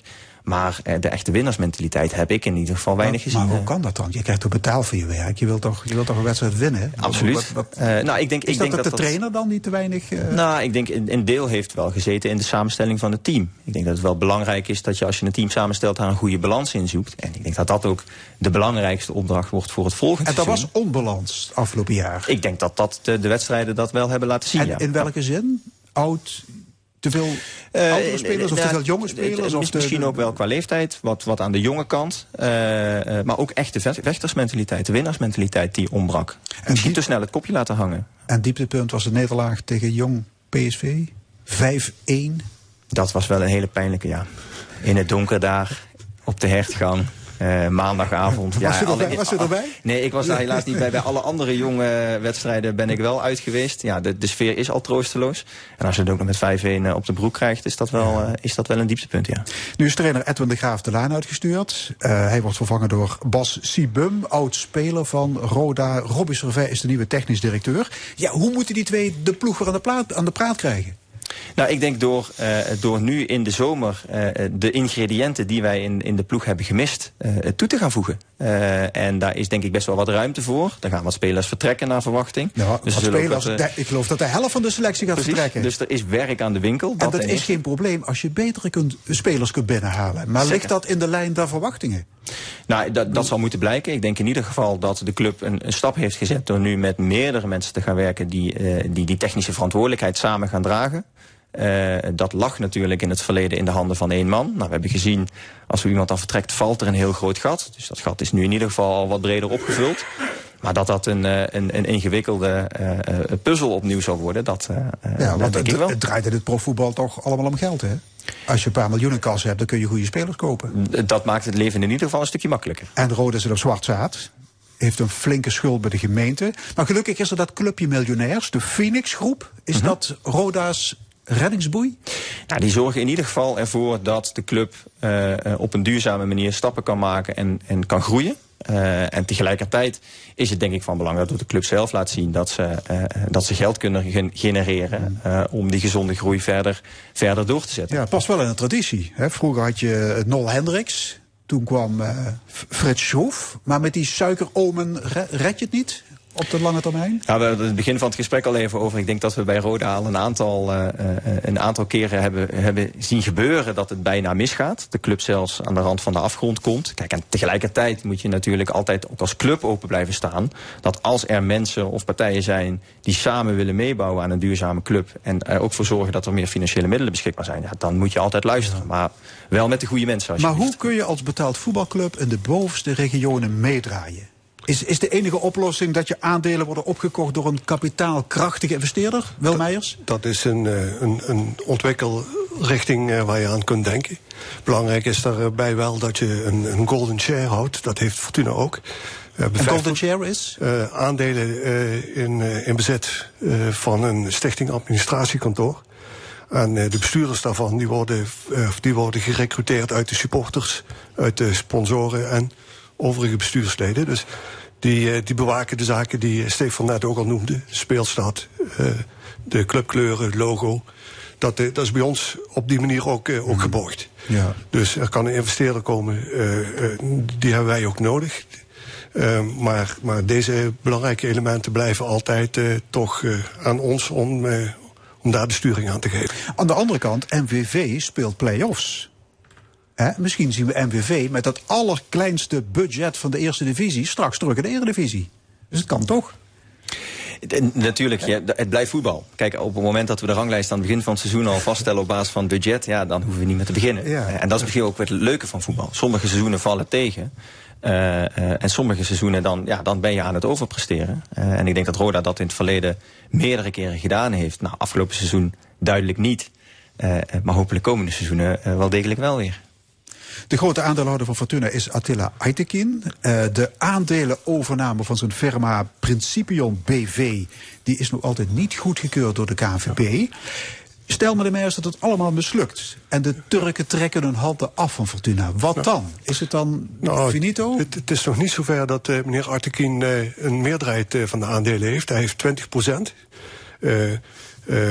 de aankoop van een groter pakket, dat is nog eh, onderwerp van studie Ja, bij KNVB. precies. Zover als ik het weet en uit de krant lees. Ja, maar stel dat mislukt allemaal. En die Turken Nou, denken, weet je wat... Ja, stoppen dan, eh, dat, dat zijn hele goede vragen voor, eh Ja, u voor de directeur als u was ooit voorzitter van Trots op Fortuna. Toen de Ja, ja. club eigenlijk op keeper stond. Die was eigenlijk al zo goed als failliet. Nee, maar, maar goed, ik heb nog geen, ik, ik, heb geen idee dat, dat dat niet door zou gaan. Het is alleen een, een weg van de lange adem. Lijkt, lijkt mij. Tenminste uit, uit eh, nou, de informatie die ik dan eh, heb gekregen en gelezen.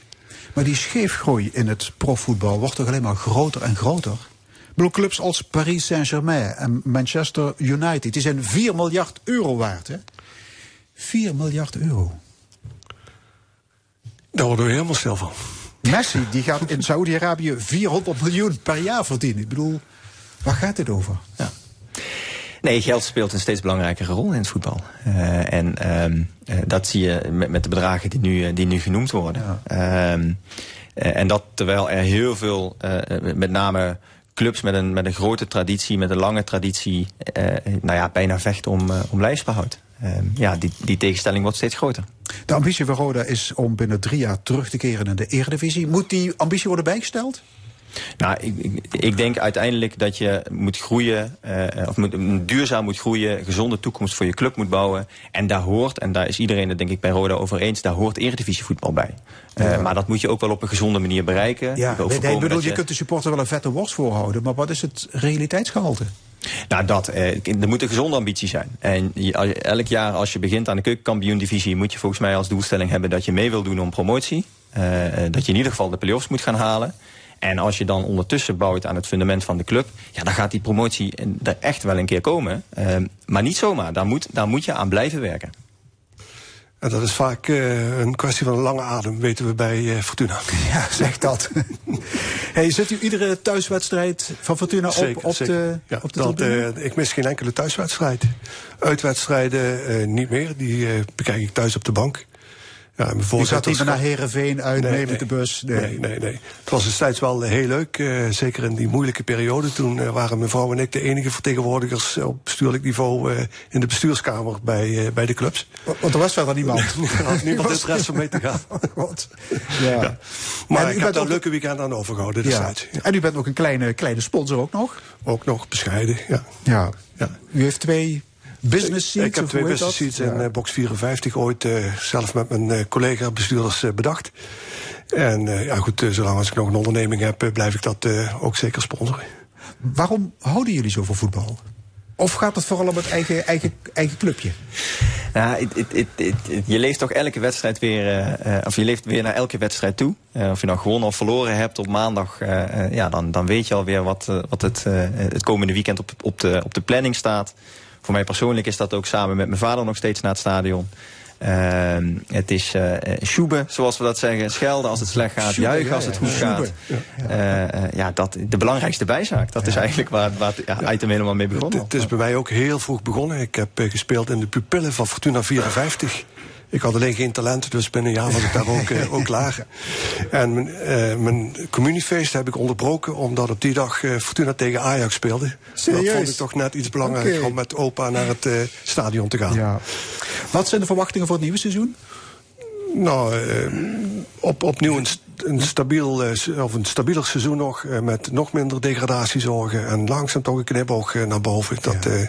Ja, dat is de maximale een, ambitie die we kunnen bezigen. Het is een zuinige doelstelling, hè? Niet, niet degraderen maar, en nou hopen... Dat... Nee, la, la, la, een reële doelstelling. Uh, we hebben het al gehad over het causale verband tussen budget en, uh, en stand op de ranglijst. Daar zit wel een plus en min in, maar ja, we moeten, we moeten toege uh, toegeven dat ons, onze begroting wat kleiner is dan de, de collega BVO's die iets hoger op de ranglijst staan. staan. En er zijn nog veel vraagtekens. Hè? Wordt die uh, hoe heet dat, die aandelenovername goedgekeurd. Ja. Wat doet Yilmaz? Blijft Velasquez de trainer? Ja, Kortom, nog ja, veel... Uh, er zijn uh, vraagtekens, maar zeker. als je het afzet tegen het seizoen uh, 2009, toen ik aantrad... toen was het 17 juni, drie weken voordat de competitie begon. Toen hadden we één contractspeler en we wisten wie de trainer was. En we hadden, die dag hebben we de licentie teruggekregen. Oh God. Dus we toch gered. Dit zijn allemaal luxe problemen waar ik het over dat heb. Bedoel ik. Ja, dat bedoel ja, ik. En wat betreft Roda, ja, die club zou toch eigenlijk ieder jaar bij de eerste vijf moeten eindigen, hè?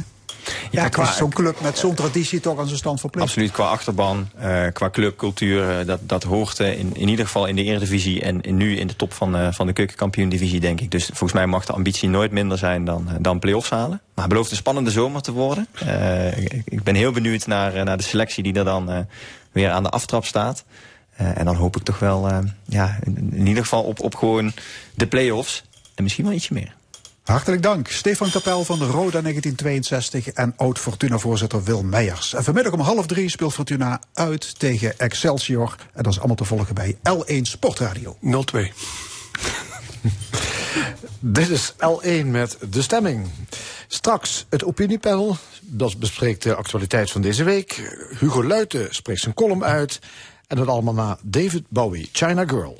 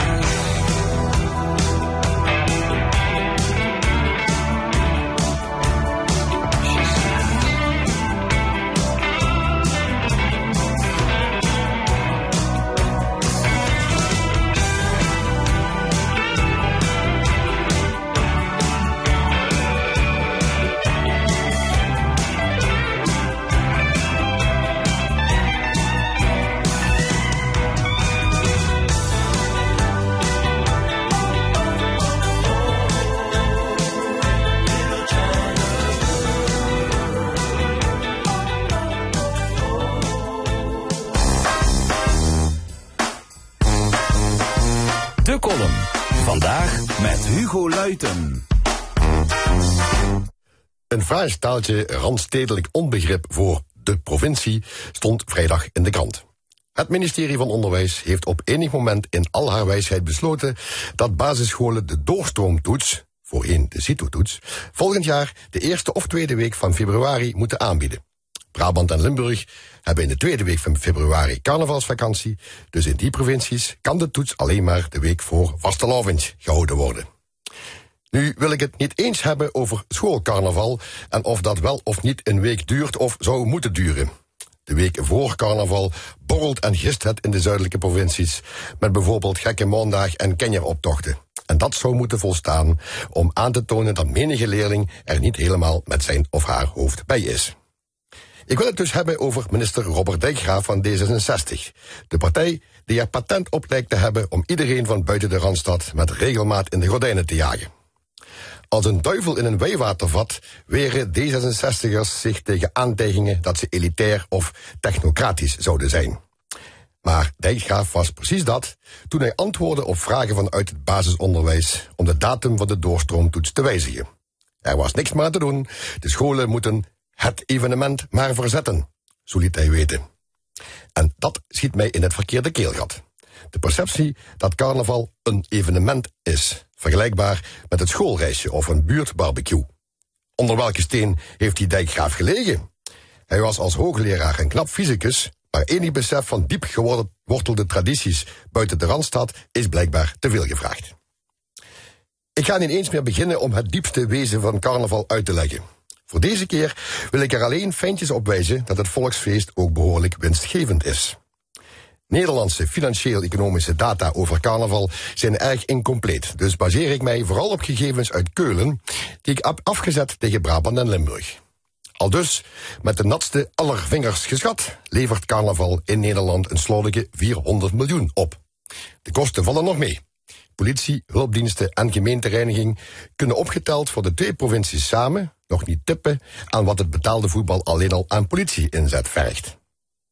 Maar als je wat kost carnaval googelt, staan prominent op de tweede plek de astronomische sommen die het stel azijnpissers van de rekenkamer met een zuinig mondje uit de printer trekken. Zij tellen bijvoorbeeld ook de 300 miljoen mee die de twee verlofdagen de maatschappij kosten voor anderhalf miljoen carnavalsvierders. De vakantiedagen van de totale beroepsbevolking van de BV Nederland lopen jaarlijks op tot 35 miljard. Maar de twee dagen die Brabanders en Limburgers opnemen met carnaval, vakantiedagen waar ze gewoon recht op hebben, kosten ineens te veel geld.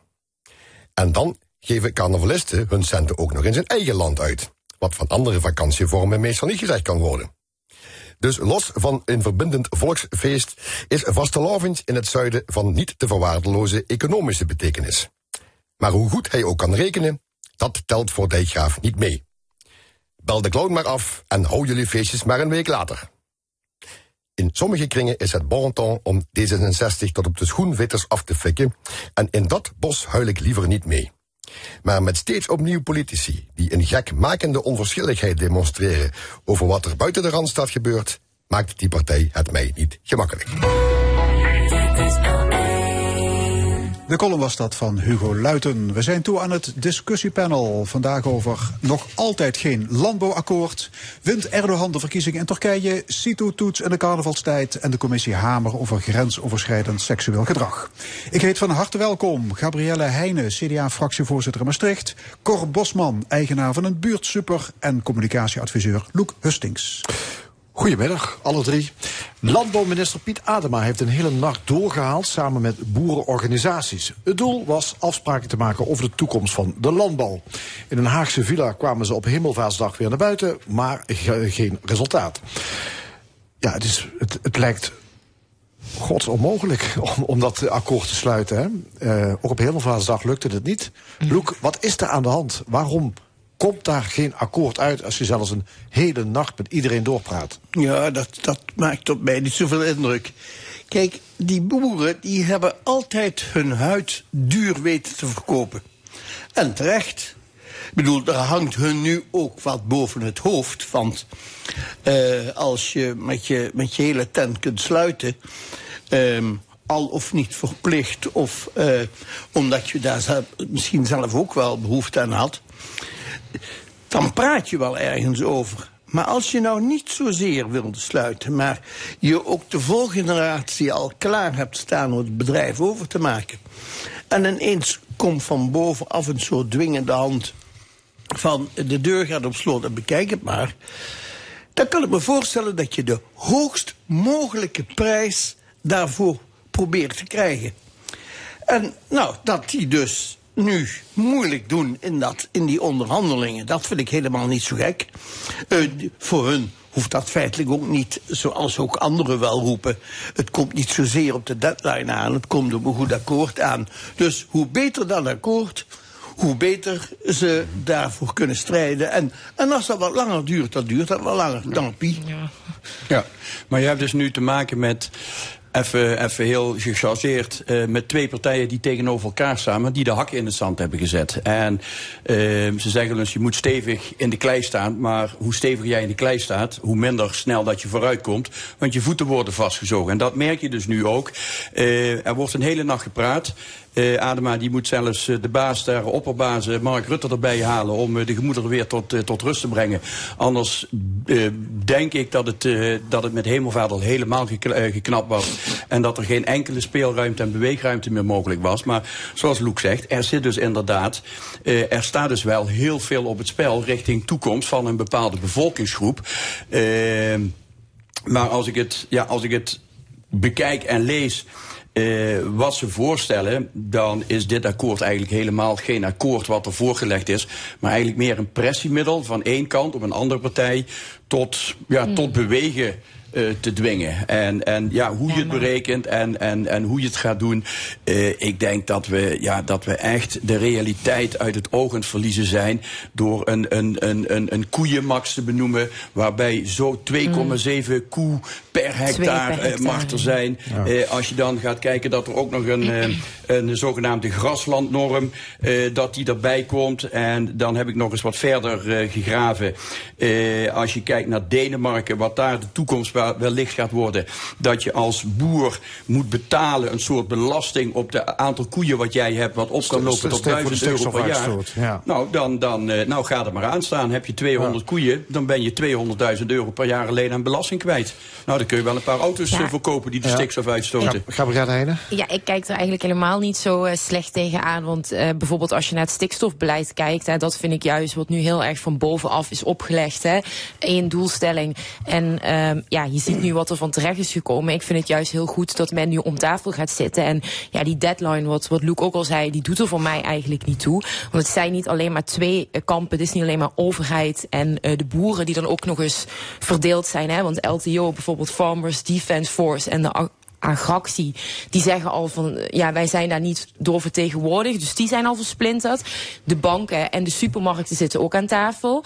Ehm, en er zijn ook nog milieuorganisaties. Dus het, het is wel een hele grote groep. En daar moet je dan uitkomen. Ik denk alleen ehm, de vraag zal zijn of dat polderen straks. ehm, ja, echt iets gaat brengen. Of dat de overheid uiteindelijk toch dan ja, knopen moet gaan doorhakken. En ik denk dat het uiteindelijk daar wel toe zal leiden. Ehm, ja, want ik- las ook bijvoorbeeld dat er ook een groot gedeelte van de boeren is. Ik weet natuurlijk niet hoe dat altijd gepeild is. Die nog steeds zegt, hè, er is geen stikstofprobleem. Kijk, als het, als het en op dus die manier het dus gesprek er is, is is een het enquête lastig. geweest onder boeren, ik geloof onder 1600 boeren, door het landbouwvakblad Nieuwe Oogst. En dan blijkt dat twee derde van de boeren vindt dat er helemaal geen stikstofprobleem is. Ja. Dat is toch onvoorstelbaar? Nou, nee, dat is niet zo onvoorstelbaar. Dat wil zeggen dat het verhaal gewoon heel slecht verkocht is. Want het zijn ja, niet alleen die, die paar boeren die, die daaraan twijfelen. Ik denk. Loek, dat, als eh, hoezo is dat verhaal niet goed verteld? Het is toch Nee, heel maar verteld? eh, eh, ga, eh, maak diezelfde enquête onder de rest van Nederland. En ik vraag me af of de uitslag erg verschillend zal zijn. Er zijn een, een hoop mensen die zich zorgen maken over het milieu. En vinden dat daar de grootst mogelijke inspanningen voor verricht moeten worden. Jazeker. Maar mensen zien dat stikstofprobleem wel als iets heel abstracts. Daar Nou, kunnen ze zich... nou, zo eh, abstract hoeft het niet te zijn, want we kunnen geen huizen meer bouwen.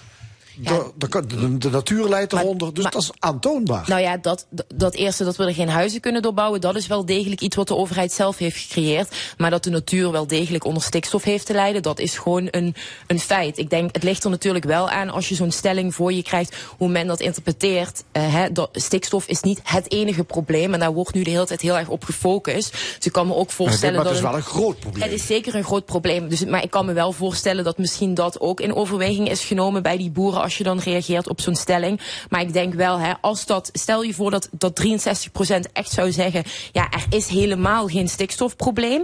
Wat ik me eerlijk gezegd niet kan voorstellen. Want als ik eh, ook vanuit het CDA hier in Limburg hoor, weten boeren wel degelijk, hè, en daar is men ook al jarenlang mee bezig, om die stikstof te reduceren. Hè, innovatie, et cetera. Je kan wel kijken van wat werkt en wat niet. Daar zal ook die discussie nu gaan, eh, over gaan binnen het landbouwakkoord. Ja, maar het wordt blijkbaar Maar- niet serieus genomen. nou ja, dat, dat, vind ik, dat vind ik te stellig. Nee. je, kunt, je kunt alles tot een, tot een probleem verheffen, zeg maar. Eh, eh, natuurlijk, ik denk dat ieder weldenkend mens weet dat stikstof een bepaalde invloed op, Mhm. op de omgeving heeft. Maar je kunt een probleem kun je ook, to- of eh, eh, je kunt een gegeven tot een probleem verheffen. En als je dan, zoals Danny, of, eh, Gabrielle ook terecht opmerkt, eh, we hebben niet met één of met twee partijen, we hebben met een hele grote groep partijen, met ieder met hun eigen belangen. Eh, daar gaan mensen gaan alleen maar eruit zoeken wat voor hun het, het meest positieve is. En daarbij heel gemakkelijk de andere dingen die wat minder positief voor hun uitkomen, die gaan ze aan de kant schuiven. Zo heeft iedere, iedere belangenbehartiger die heeft zijn eigen argumenten om aan te geven van daarom eh, wel of daarom niet. Ik denk dat het alleen nog maar veel moeilijker richting toekomst gaat worden om een, om een akkoord te sluiten. Nou ja, Zou, zou het zo kunnen zijn dat die boeren eigenlijk helemaal geen systeemverandering van de landbouw willen? Ja, maar kijk, dan heb je, hebben we het weer over de boeren. Terwijl eh, ik zie ook gewoon een hele grote verscheidenheid tussen die boeren. Hè. Als ik bijvoorbeeld dat Farmers Defence Force hoor, ja, ik vind dat wel een hele heftige eh, eh, groep eigenlijk. Maar er zijn ook genoeg boeren die zich wel degelijk daarvan bewust zijn. Alleen die zeggen, hè, we lopen ook gewoon vast in allerlei regels. Bij de banken moeten we eigenlijk al voor schaalvergroting kiezen. Willen we daar investeringen eigenlijk krijgen? Dus zeg maar, de boer in, in dat opzicht bestaat eigenlijk gewoon niet. Eh, en dat maakt het natuurlijk ook heel erg lastig. Maar ik denk dus wel dat het uiteindelijk de taak is van de overheid om dan wel keuzes te maken. En het is goed dat men nu het gesprek aangaat. En voor mij mag dat in principe, want het is geen, het hoeft niet eh, binnen een maand klaar. Hè. We hebben het over 2040 een doelstelling, Ja. dus het mag gerust lang duren. Maar uiteindelijk moet de overheid wel duidelijk zijn in dit Ja, werkt dat- wel, dit werkt dat zijn niet. ze En, niet. Maar het is nu en dit is de vrijblijvend. keuzes. Ja, maar dat, dat zijn ze niet. En inderdaad, ze Ja. moeten keuzes maken. Maar op het moment dat die keuzes niet gedragen worden door, door het overgrote deel, dan leidt dat nergens toe. Dan krijg je alleen maar opstand, krijg je onrust. En waar. waar Maar ik geloof eh, niet dat dat het overgrote deel per se nou, is. ik denk dat het wel. Als ik, als ik, eh, eh, eh, ik heb helemaal geen boerenachtergrond, maar als ik kijk naar de mensen die hierdoor getroffen worden, wat ze iedere keer, wat ik iedere keer zie terugkomen, geef ons perspectief. Mhm. En dat wordt er gewoon niet gegeven. Maar dat is het hele doel nou- nu van dat landbouwakkoord. En men gaat dus wel Ja, gewoon in maar- gesprek en om tafel. maar ze- maar Dus dat zelfs- maar dat zelfs dat- juiste weg te bewandelen. Ja, maar zelfs dat wordt nog niet gegeven. Want er wordt een datum van 2030. hè. De ene zegt 2035, 2040, 2050. Niks is in beton gegoten. Maar het enige wat we kunnen constateren is... in plaats dat we dichter bij elkaar komen... dat we steeds verder van elkaar afdrijven. Ja, en dat is wel aardig geef ons perspectief. Weet je, alle problemen die zich de laatste eh, tien jaar hebben voorgedaan, grote maatschappelijke, sociale problemen, eh, schandalen met, met toeslagen en, en, en, en, en met eh, Groningen, weet ik veel. Daar heeft het kabinet altijd een hele hoop geld tegenover gesteld om dat af te kopen. En volgens mij staat die hele grote zak met geld nu ook klaar. Alleen willen die boeren graag dat die zak zo groot mogelijk is. Want dit is de moment. Nu kunnen ze er wat over 6,7 onderhandelen. miljard en 600 miljoen structureel gaat het straks over. Dus het geld eh, ehm, is Nee, precies. Maar, maar laten we zeggen, ik vind dat dus voorkomen recht. Nog een laatste puntje. Je kunt, als je met zoveel partijen om tafel zit, kun je voortreffelijk zingen. Maar je kunt nauwelijks vergaderen hoor, dat gaat niet.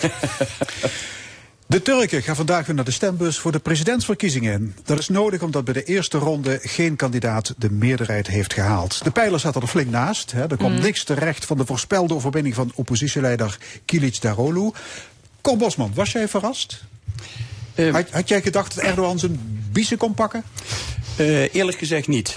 Het is natuurlijk altijd spannend. En wat je nu ziet, eh, is dat er eindelijk een, een, een, ja, een waardige eh, tegenstander, eh, andere presidentkandidaat. In het verleden was het al aan de voorkant een gelopen race. Dus dit geeft wel aan dat er binnen Turkije dat er wel machten en krachten aan het werk zijn die toch voor verandering zijn. Alleen wat ik zie is dat de macht van Erdogan, dat die op dit moment nog dusdanig groot is, dat hij hoogstwaarschijnlijk ook deze verkiezingen weer gaat winnen. Maar dat, dat er stemmen in Turkije zijn ehm, die voor verandering zijn. Want laat ons wel wezen, Erdogan die heeft de laatste jaren heeft hij er toch wel voor gezorgd dat Turkije op heel veel vlakken aan de rand van de afgrond Oké, staat. maar je kunt ook zeggen dat de helft van de bevolking niet zit te wachten op die Nee, dat klopt ook, maar dat heeft ook met het systeem te maken. Ik bedoel, het cliëntelisme in, in Turkije, dat is wijdverspreid. En er zijn heel veel mensen die, die, die daar direct hun voordeel aan hebben. Die ja, en het is, zijn? Ja, en het is natuurlijk, eh, ja, je gaat natuurlijk Ja, wel, niet eh, dus. de kip met de gouden eieren weggooien. Gabrielle Heijnen? Nou ja, kijk, het is in die zin positief dat er nu een tweede verkiezingsronde nodig is eh, eh, om eigenlijk Erdogan weer aan de macht te krijgen. Ik ga er eigenlijk ook wel vanuit dat hij weer gaat winnen. De vraag is alleen of die vooruitgang, zoals Cor dat noemt, hierna wel zich kan doorzetten. Of dat Erdogan de teugels eigenlijk strakker gaat aantrekken. En wat je eigenlijk ziet, wat hij al die jaren heel goed heeft gedaan, eigenlijk al sinds zijn aanstelling, is dat alle economische voorspoed, hè, dat wijden mensen, of dat schrijven mensen aan Erdogan toe. Maar alles wat er misgaat, ehm, ja, dat is of eh, aan Amerika te danken of aan buurlanden. Dat is een beetje die polariserende bestuurstijl van hem.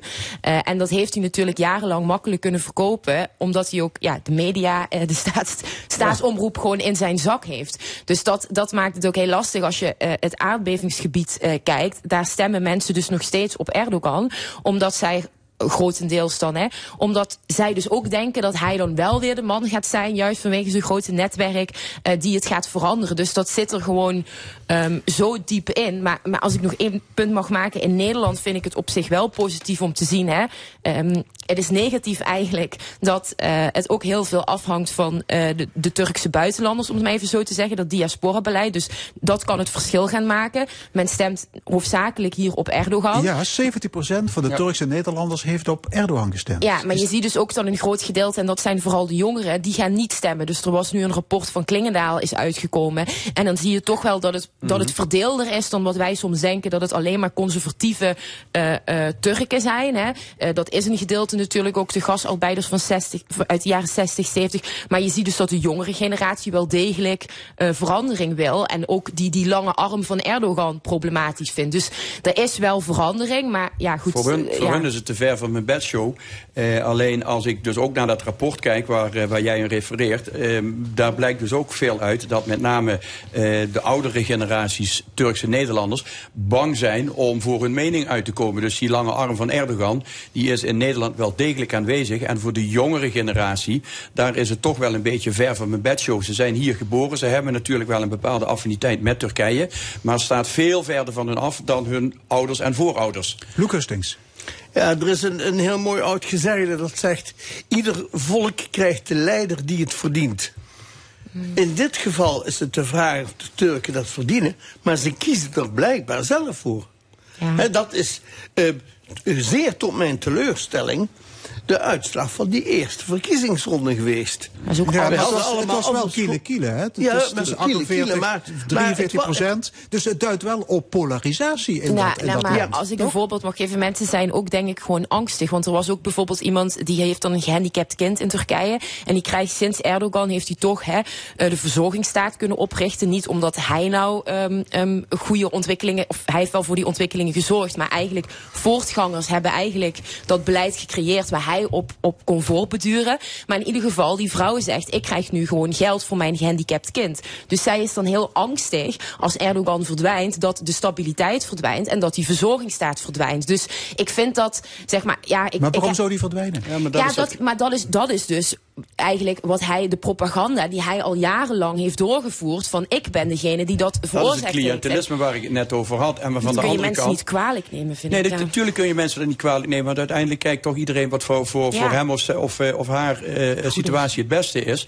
Eh, maar dan hoor ik aan de ene kant, dan hoor ik eh, Turkse Nederlanders zeggen van wij stemmen, wij kiezen niet voor onze beurs of wij kiezen niet voor het eten, maar wij kiezen voor onze natie, Turkije. Maar aan de andere kant, Erdogan, die, eh, die schuurt ook niet om politieke tegenstanders. Bijvoorbeeld eh, de burgemeester van Istanbul. Ja, die was hem niet welgevallig. Dus die meneer, die krijgt gewoon eh, politieke exile. Die wordt eh, gewoon eh, ergens weggestopt. Die mag, eh, ik weet niet hoe lang, mag die geen politieke functies meer uitoefenen. die wordt gewoon eh, hup, in het kotje gestopt. Klaar. ja. Kalk gesteld.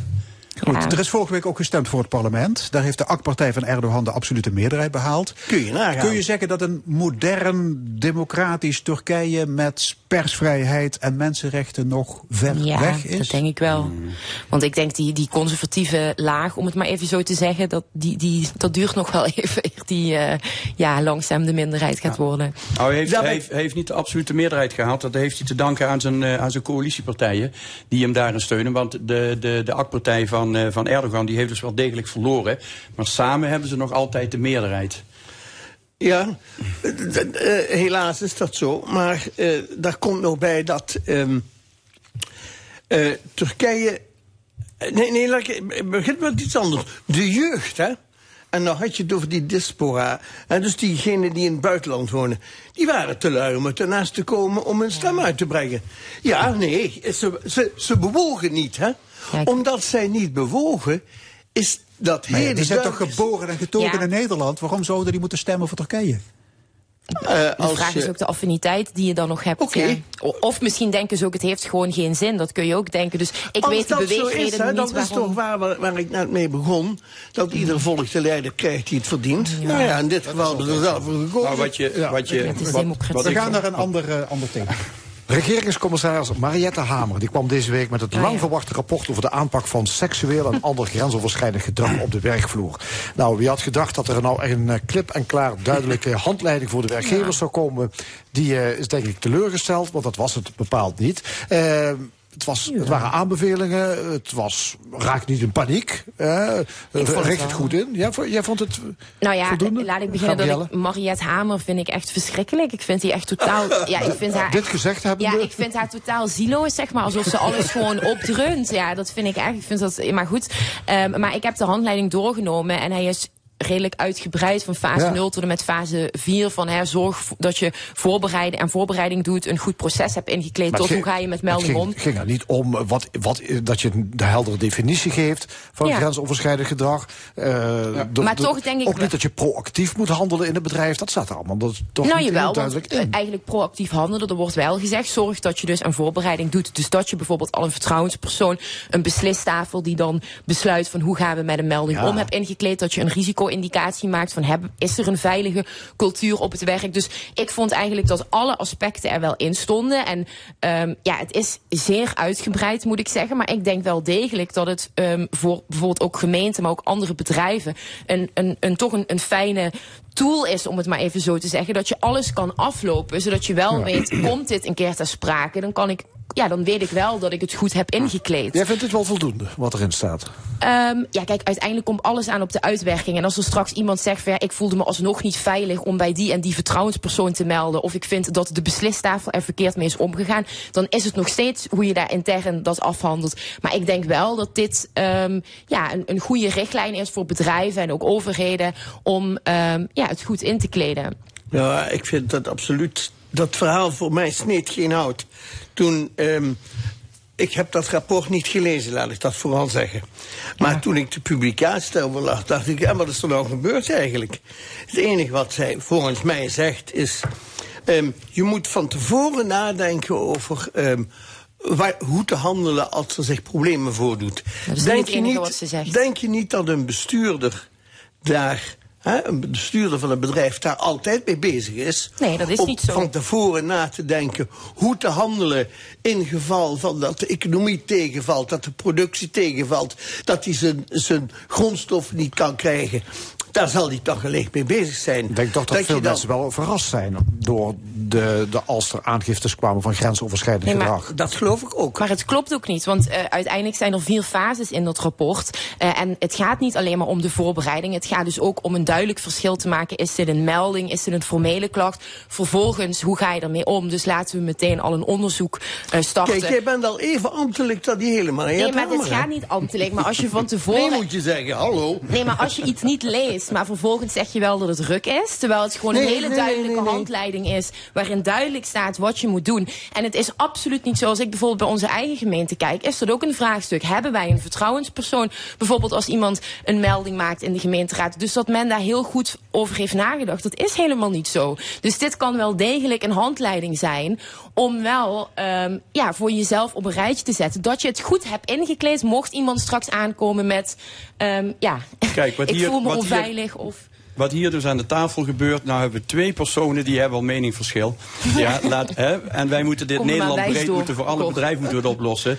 Ehm, ik heb het rapport niet gelezen. Ik heb wel de lijst met, eh, met de tips. eh, met de 29 tips. Die heb ik wel eens doorgenomen.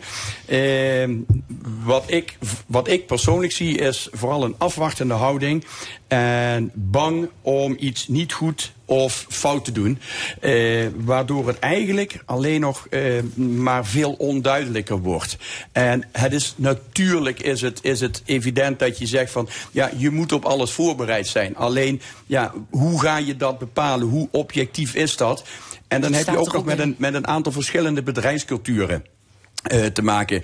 Eh, gewoon even, eh, je hebt een loodgietersbedrijfje, daar werken drie mensen. Ja, is dat, is dat hetzelfde als dat jij een tv-presentator bent, die trial by media, die al meteen aan de hoogste boom gehangen wordt. Dus je hebt ook met mensen te maken op het moment, en Dat dan, staat dan, dan is de waarheid, ja, dat staat allemaal in het rapport, maar er wordt niet gezegd hoe je daarmee mee, mee, mee moet omgaan. Wordt er er wel wordt, nee, gezegd. er wordt ook gezegd, aan de ene kant, je moet de anonimiteit moet je waarborgen, Nee. maar tegelijkertijd moet je ook de andere kant informeren. En dat, Dat is één aspect als iemand één Ja, anonieme één melding maakt. Wat er heel duidelijk is gezegd is, als er dus een melding binnenkomt, dat je heel duidelijk aan belangenafweging moet doen. Dus je moet duidelijk Ja, kenbaar maken. we gaan- wat oké, we gaan eh, over naar drie vandaag uit. andere, tot slot, een hele andere, hele belangrijke zaak. Ja. De Limburgse carnavalswereld is een rep en roer. Wat is er aan de hand? De doorstroomtoets voor de basisscholen voor Hindisitu-toets die wordt gehouden in februari, midden in de vastelovend. 17 carnavalsverenigingen hebben een kwaaie open brief gestuurd aan minister Dijkgraaf. Wat vinden jullie? Nou, weet je, het is zo dat. ehm, eh, eerlijk gezegd voorzie ik dit jaar niet zo'n probleem. Je hebt ehm, nog altijd royaal vijf dagen de tijd voordat carnaval begint om eh, die CITO-toets af te wikkelen, die twee keer een halve dag kost. En daar praten we dus ja, over. want die hè? toets moet plaatsvinden tussen 5 en 16 februari. Carnavalszondag is op de 11e. Het gaat om twee dagdelen inderdaad. Dus als je die toets houdt op maandag 6 en dinsdag 7, wat is dan het probleem? Geen probleem. Maar Maar, dan, waar is dan die heisa van maar ze, ze, ze, ze signaleren dit omdat carnaval, zoals jullie allemaal weten, niet op een vaste datum valt. Die kan 14 dagen eerder, maar ook Nee, maar 14 laten we ons dagen beperken tot Nee, maar 2024. het gaat ook niet alleen maar om die drie dagen vastelovend. Het gaat ook om het hele voortraject. Dus ehm, verenigingen, en daar horen dus ook de kinderen bij, zijn al veel langer bezig. Dus die week voor carnaval is iedereen al bezig met carnaval. Dus het gaat ook om, vind ik, is, is dat nou de juiste week? Zeg maar een week voor eigenlijk vakantie en het feest gaat beginnen. Dat kinderen dan geconcentreerd hun doorstroom doet. Zoals Ja, maar dan kun je dus het hele jaar niks meer doen. Hè? Nee, Want maar dan dat is dus onzin, want je zou het- afgaan en dit of dat. Ik vind als je... want er is niet het hele je- jaar door je- vakantie. Moet is je, dan een week, moet je dan een week voor carnaval de hele maatschappij stilleggen misschien? Is dat, is Loek, dat, dat, de is toch gewoon, dat is toch een absurde tegenstelling. Het is Nee, toch gewoon heel logisch dat je gewoon inderdaad bijvoorbeeld voor het einde van de, voor de zomervakantie begint, is eigenlijk die week vooraf gaan, we gaan eh, scholen bijvoorbeeld de scholen poetsen met kinderen. Dan gaan ze niet meer harde rekenlessen doen. Dat is gewoon logica. Dus er zijn heel veel andere weken, zeg maar, waarin je gewoon bezig bent met eh, gewoon de vakken, dat je dat kan doen. En En niet gek, een hè, week dat dus voordat de- dat- kinderen dat- bezig zijn met pakjes kopen en et cetera. Ja, Gek hè, dat die kinderen ook geen, eh, niet meer kunnen rekenen en ook geen Nederlandse taal meer kennen. Ja, die heeft er toch niks mee te maken. Ja, sorry, Hoe hoe ja. zou dat nou toch komen? Ja, dat Ko komt niet Bosman, aan, zeg eens wat slims. Eh, nou, aan mij de eer. Nou, ik zie vooral twee dingen. Ik zie A, één ding, ehm, Ja, je bevestiging. hebt nog 30 seconden, opschieten. Nou, beve- bevestiging. In Den Haag weten ze helemaal niks van Limburg af. Limburg is gewoon de appendix van Nederland. Eh, ze weten helemaal niet dat, eh, dat carnaval cultureel erfgoed is. Aan de andere kant zie ik een hele, hele grote hoop kleinburgerlijkheid. Want een aantal data die liggen vast. Moet je nou ook zeuren van... Hey, in mei of in juni zijn de eindexamens... en we hebben een hittegolf, moeten we dan maar de eindexamens uitstellen. Want die dingen liggen ook vast. Iedere belangengroep, het blijkt hier weer uit... iedere belangengroep heeft zijn eigen argumenten... Kortom, om niet dit- zeuren, gewoon toetsen. Juist, en geneet vooral van het vastelovend. Hartelijk dank, discussiepanel. Gabrielle Heijnen, Loek Hustings en Cor Bosman. En dit was de stemming voor vandaag. Gemaakt door Tine Holleman, Fons Geraas en Frank Ruber. Graag tot volgende week zondag en dan weer om 11 uur. En dit programma is na te luisteren op onze website l1.nl en ook via podcast. Zometeen op deze zender een uur non-stop muziek en daarna L1 Sport. Nog een mooie zondag.